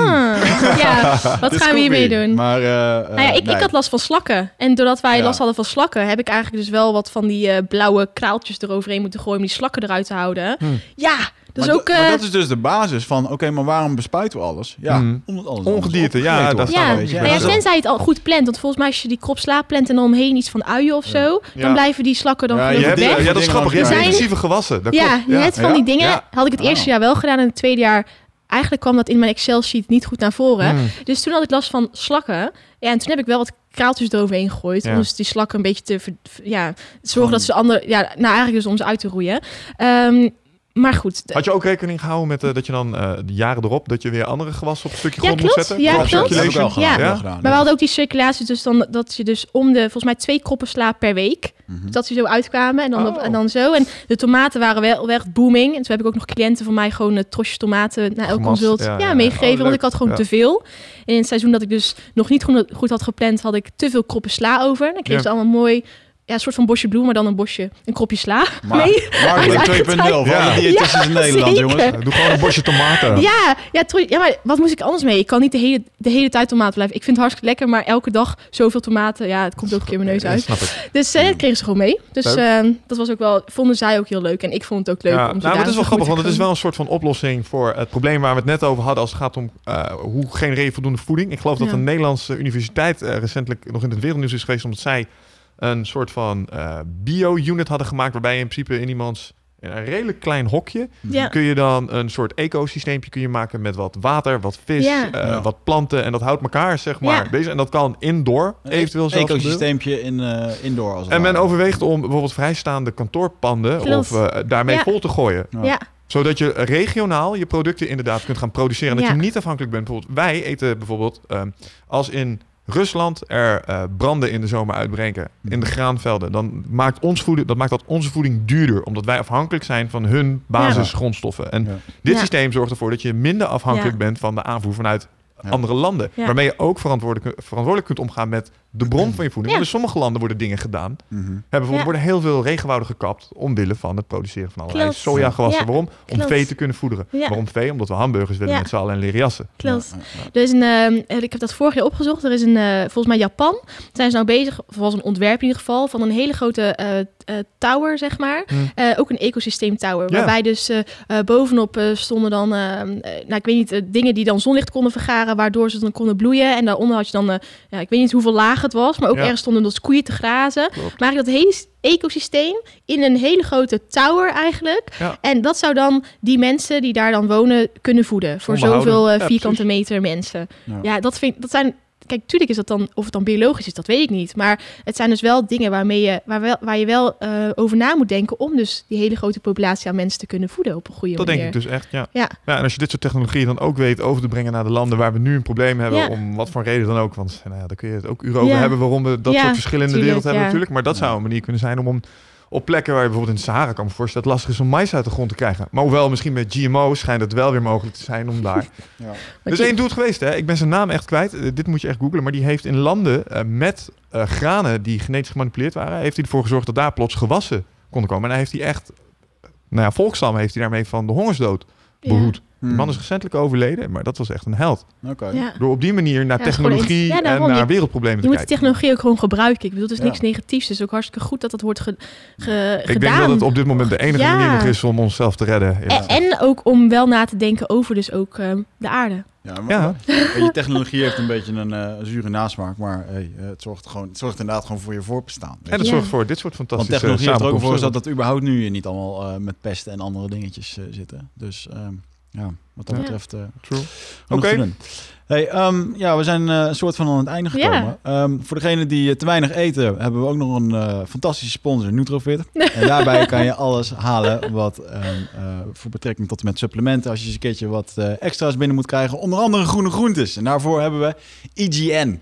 En IGN is een product van Onnet waarbij je ehm, eh, ja, eigenlijk gewoon een hele hoop verschillende groene groentes binnenkrijgt. Het smaakt hartstikke lekker ook nog een keer. Volgens mij is het gedroogde groente die ze hebben ge Ja, dus het is, echt, het is echt een extract, ja. weet je. Ja. Dus een eh, extract van droge groentes. Het smaakt super lekker door je smoothies heen, natuurlijk ook. Cranberries smaakt ernaar. Cranberries, inderdaad. Ja. Dan hebben we natuurlijk gewoon je eiwitten, maar we hebben ook nog netjes onze spirulina eh, en chlorella Mhm. eh, supplementen. Wat jij als diëtist misschien nog wel eens een keertje aanraakt, links en rechts. Ehm, ja, ja, zo nu en dan wel, ja. Ja, het zijn eigenlijk gewoon groene, Ja. groene groentes in een, eh, ja, gewoon Algen, toch? Spiruline. compressed Ja. in, een, in een tabletvorm of in een capsulevorm. En als je dan toch niet aan je groene groentes komt, dan is dat een prima aanvulling. Ook als je bijvoorbeeld, nou ja, bijvoorbeeld hoe zit je er trouwens tegenin met veganisme? Want die, of, en vegetarisch komen vaak wel tekort aan mineralen en eh, eiwitten uit bijvoorbeeld vlees. Raad je die dingen wel eens aan? Ja, nou, Magnesium, zink, andere dingen? eh, ni- ja, niet specifiek. Al- Ik probeer eerst dus alles uit, uit de basisvoeding te doen. Mm. Dat is wel. En ehm, eh, natuurlijk bij, bij veganisten doe ik eigenlijk altijd wel een vitamine B12 supplement. Dat Ja. sowieso. Die heb je Mhm. ook gewoon veganistisch. En eh eiwittekort hoeft niet. Je moet gewoon zorgen dat je voldoende eh volkoren graanproducten, pulvruchten en noten eet. Ja. Zo heel zwart-wit. Mm. Maar dat is eigenlijk gewoon de... Dus, dus daar is timing heel belangrijk. Dus dat je voldoende energie over de dag eigenlijk gewoon verdeelt. En dat je die op de goede mo- tijden Ja. ook binnenkrijgt. Zodat je dus voldoende kan blijven eten. Ja, ja, ja. En dan kan je makkelijk aan je... vo- vo- krijg je echt voldoende eiwitten binnen hoor. Oké, helder verhaal. Alright. Ehm, gebruik de korte, kortingscode Eindbazen op Nutrofit. En daarmee kan je eh 5% korting krijgen op al je bestellingen. Eh Sarai, waar kunnen we jou vinden online? Waar kunnen de luisteraars jou vinden? Ehm, je kunt me vinden op, even kijken, op mijn Facebook inderdaad. Facebookpage Sarai Pannenkoek Sportvoedingsadvies. En op Twitter Sarai Pannenkoek of apenstaatje Sarai Pannenkoek. Op I'm a Foodie, daar blog ik ook eh, regelmatig voor. Ja, en eigenlijk volgens mij als je me gewoon googelt, dan kom je wel op andere artikelen die ik ooit heb geschreven. En dan, ja, daar Gaat kan je me vinden. Cool science, cool science. Ja. Laat eens weten wat je van deze aflevering vond Ja. met de hashtag Eindbazen. Ik vond het in ieder geval een toffe aflevering. Ik Eindbazin, onze eerste Eindbazin. Eindbazin, En eh, je bent, eh, ja, ja, zeker. Je bent gewoon de eerste eindbazin die hier is geweest. En eh, ja, ik vond het super leuk dat je Volgen was. Ik vond het meer. interessant. Kom zeker nog een keer langs, want we kunnen hier volgens mij nog een paar uur over vullen. Volgens mij kan ik, ja, volgens mij kan het En, makkelijk. Ja. Mensen thuis, voel je niet slecht, want eh, hè, eh, ja, we hebben allemaal de weg moeten gaan om een keer ergens te beginnen. Ja. En, eh, ik denk, ik hoop dat jullie hier wat mee kunnen. Dus eh, ik vond Ja, het ik hoop top. het ook. Probeer het toe te passen in je leven. Ja, Ja. haal gewoon je dingen eruit. Eh, er bestaat niet één eh, ja, weg één die waarheid, Nee, er ja. is geen één waarheid. En hopelijk eh, kun je door middel van dit gesprek ben je een beetje geïnspireerd geraakt door eh, wat we hebben gezegd allemaal. En kun je gewoon jouw pad blijven wandelen. En eh, ja, probeer gewoon ja, goed voor je lichaam te zorgen. En eh, ik denk dat dat het allerbelangrijkste Ja, is. de Liefde voor je lichaam voor jezelf. Belangrijk. Dus dat ze af en toe een klein beetje snoepen best mag. En, Ja, en, en voor de mensen die ervan. toch er nog een beetje eh, sceptisch tegenaan kijken. Dit was de eerste glutenvrije podcast. Hoppa. Ja, klopt. Geen gluten. Hey jongens, Dank bedankt. jullie wel. En we zien jullie de volgende Tot de keer. volgende Ja, keer. Oké, doei. Ciao.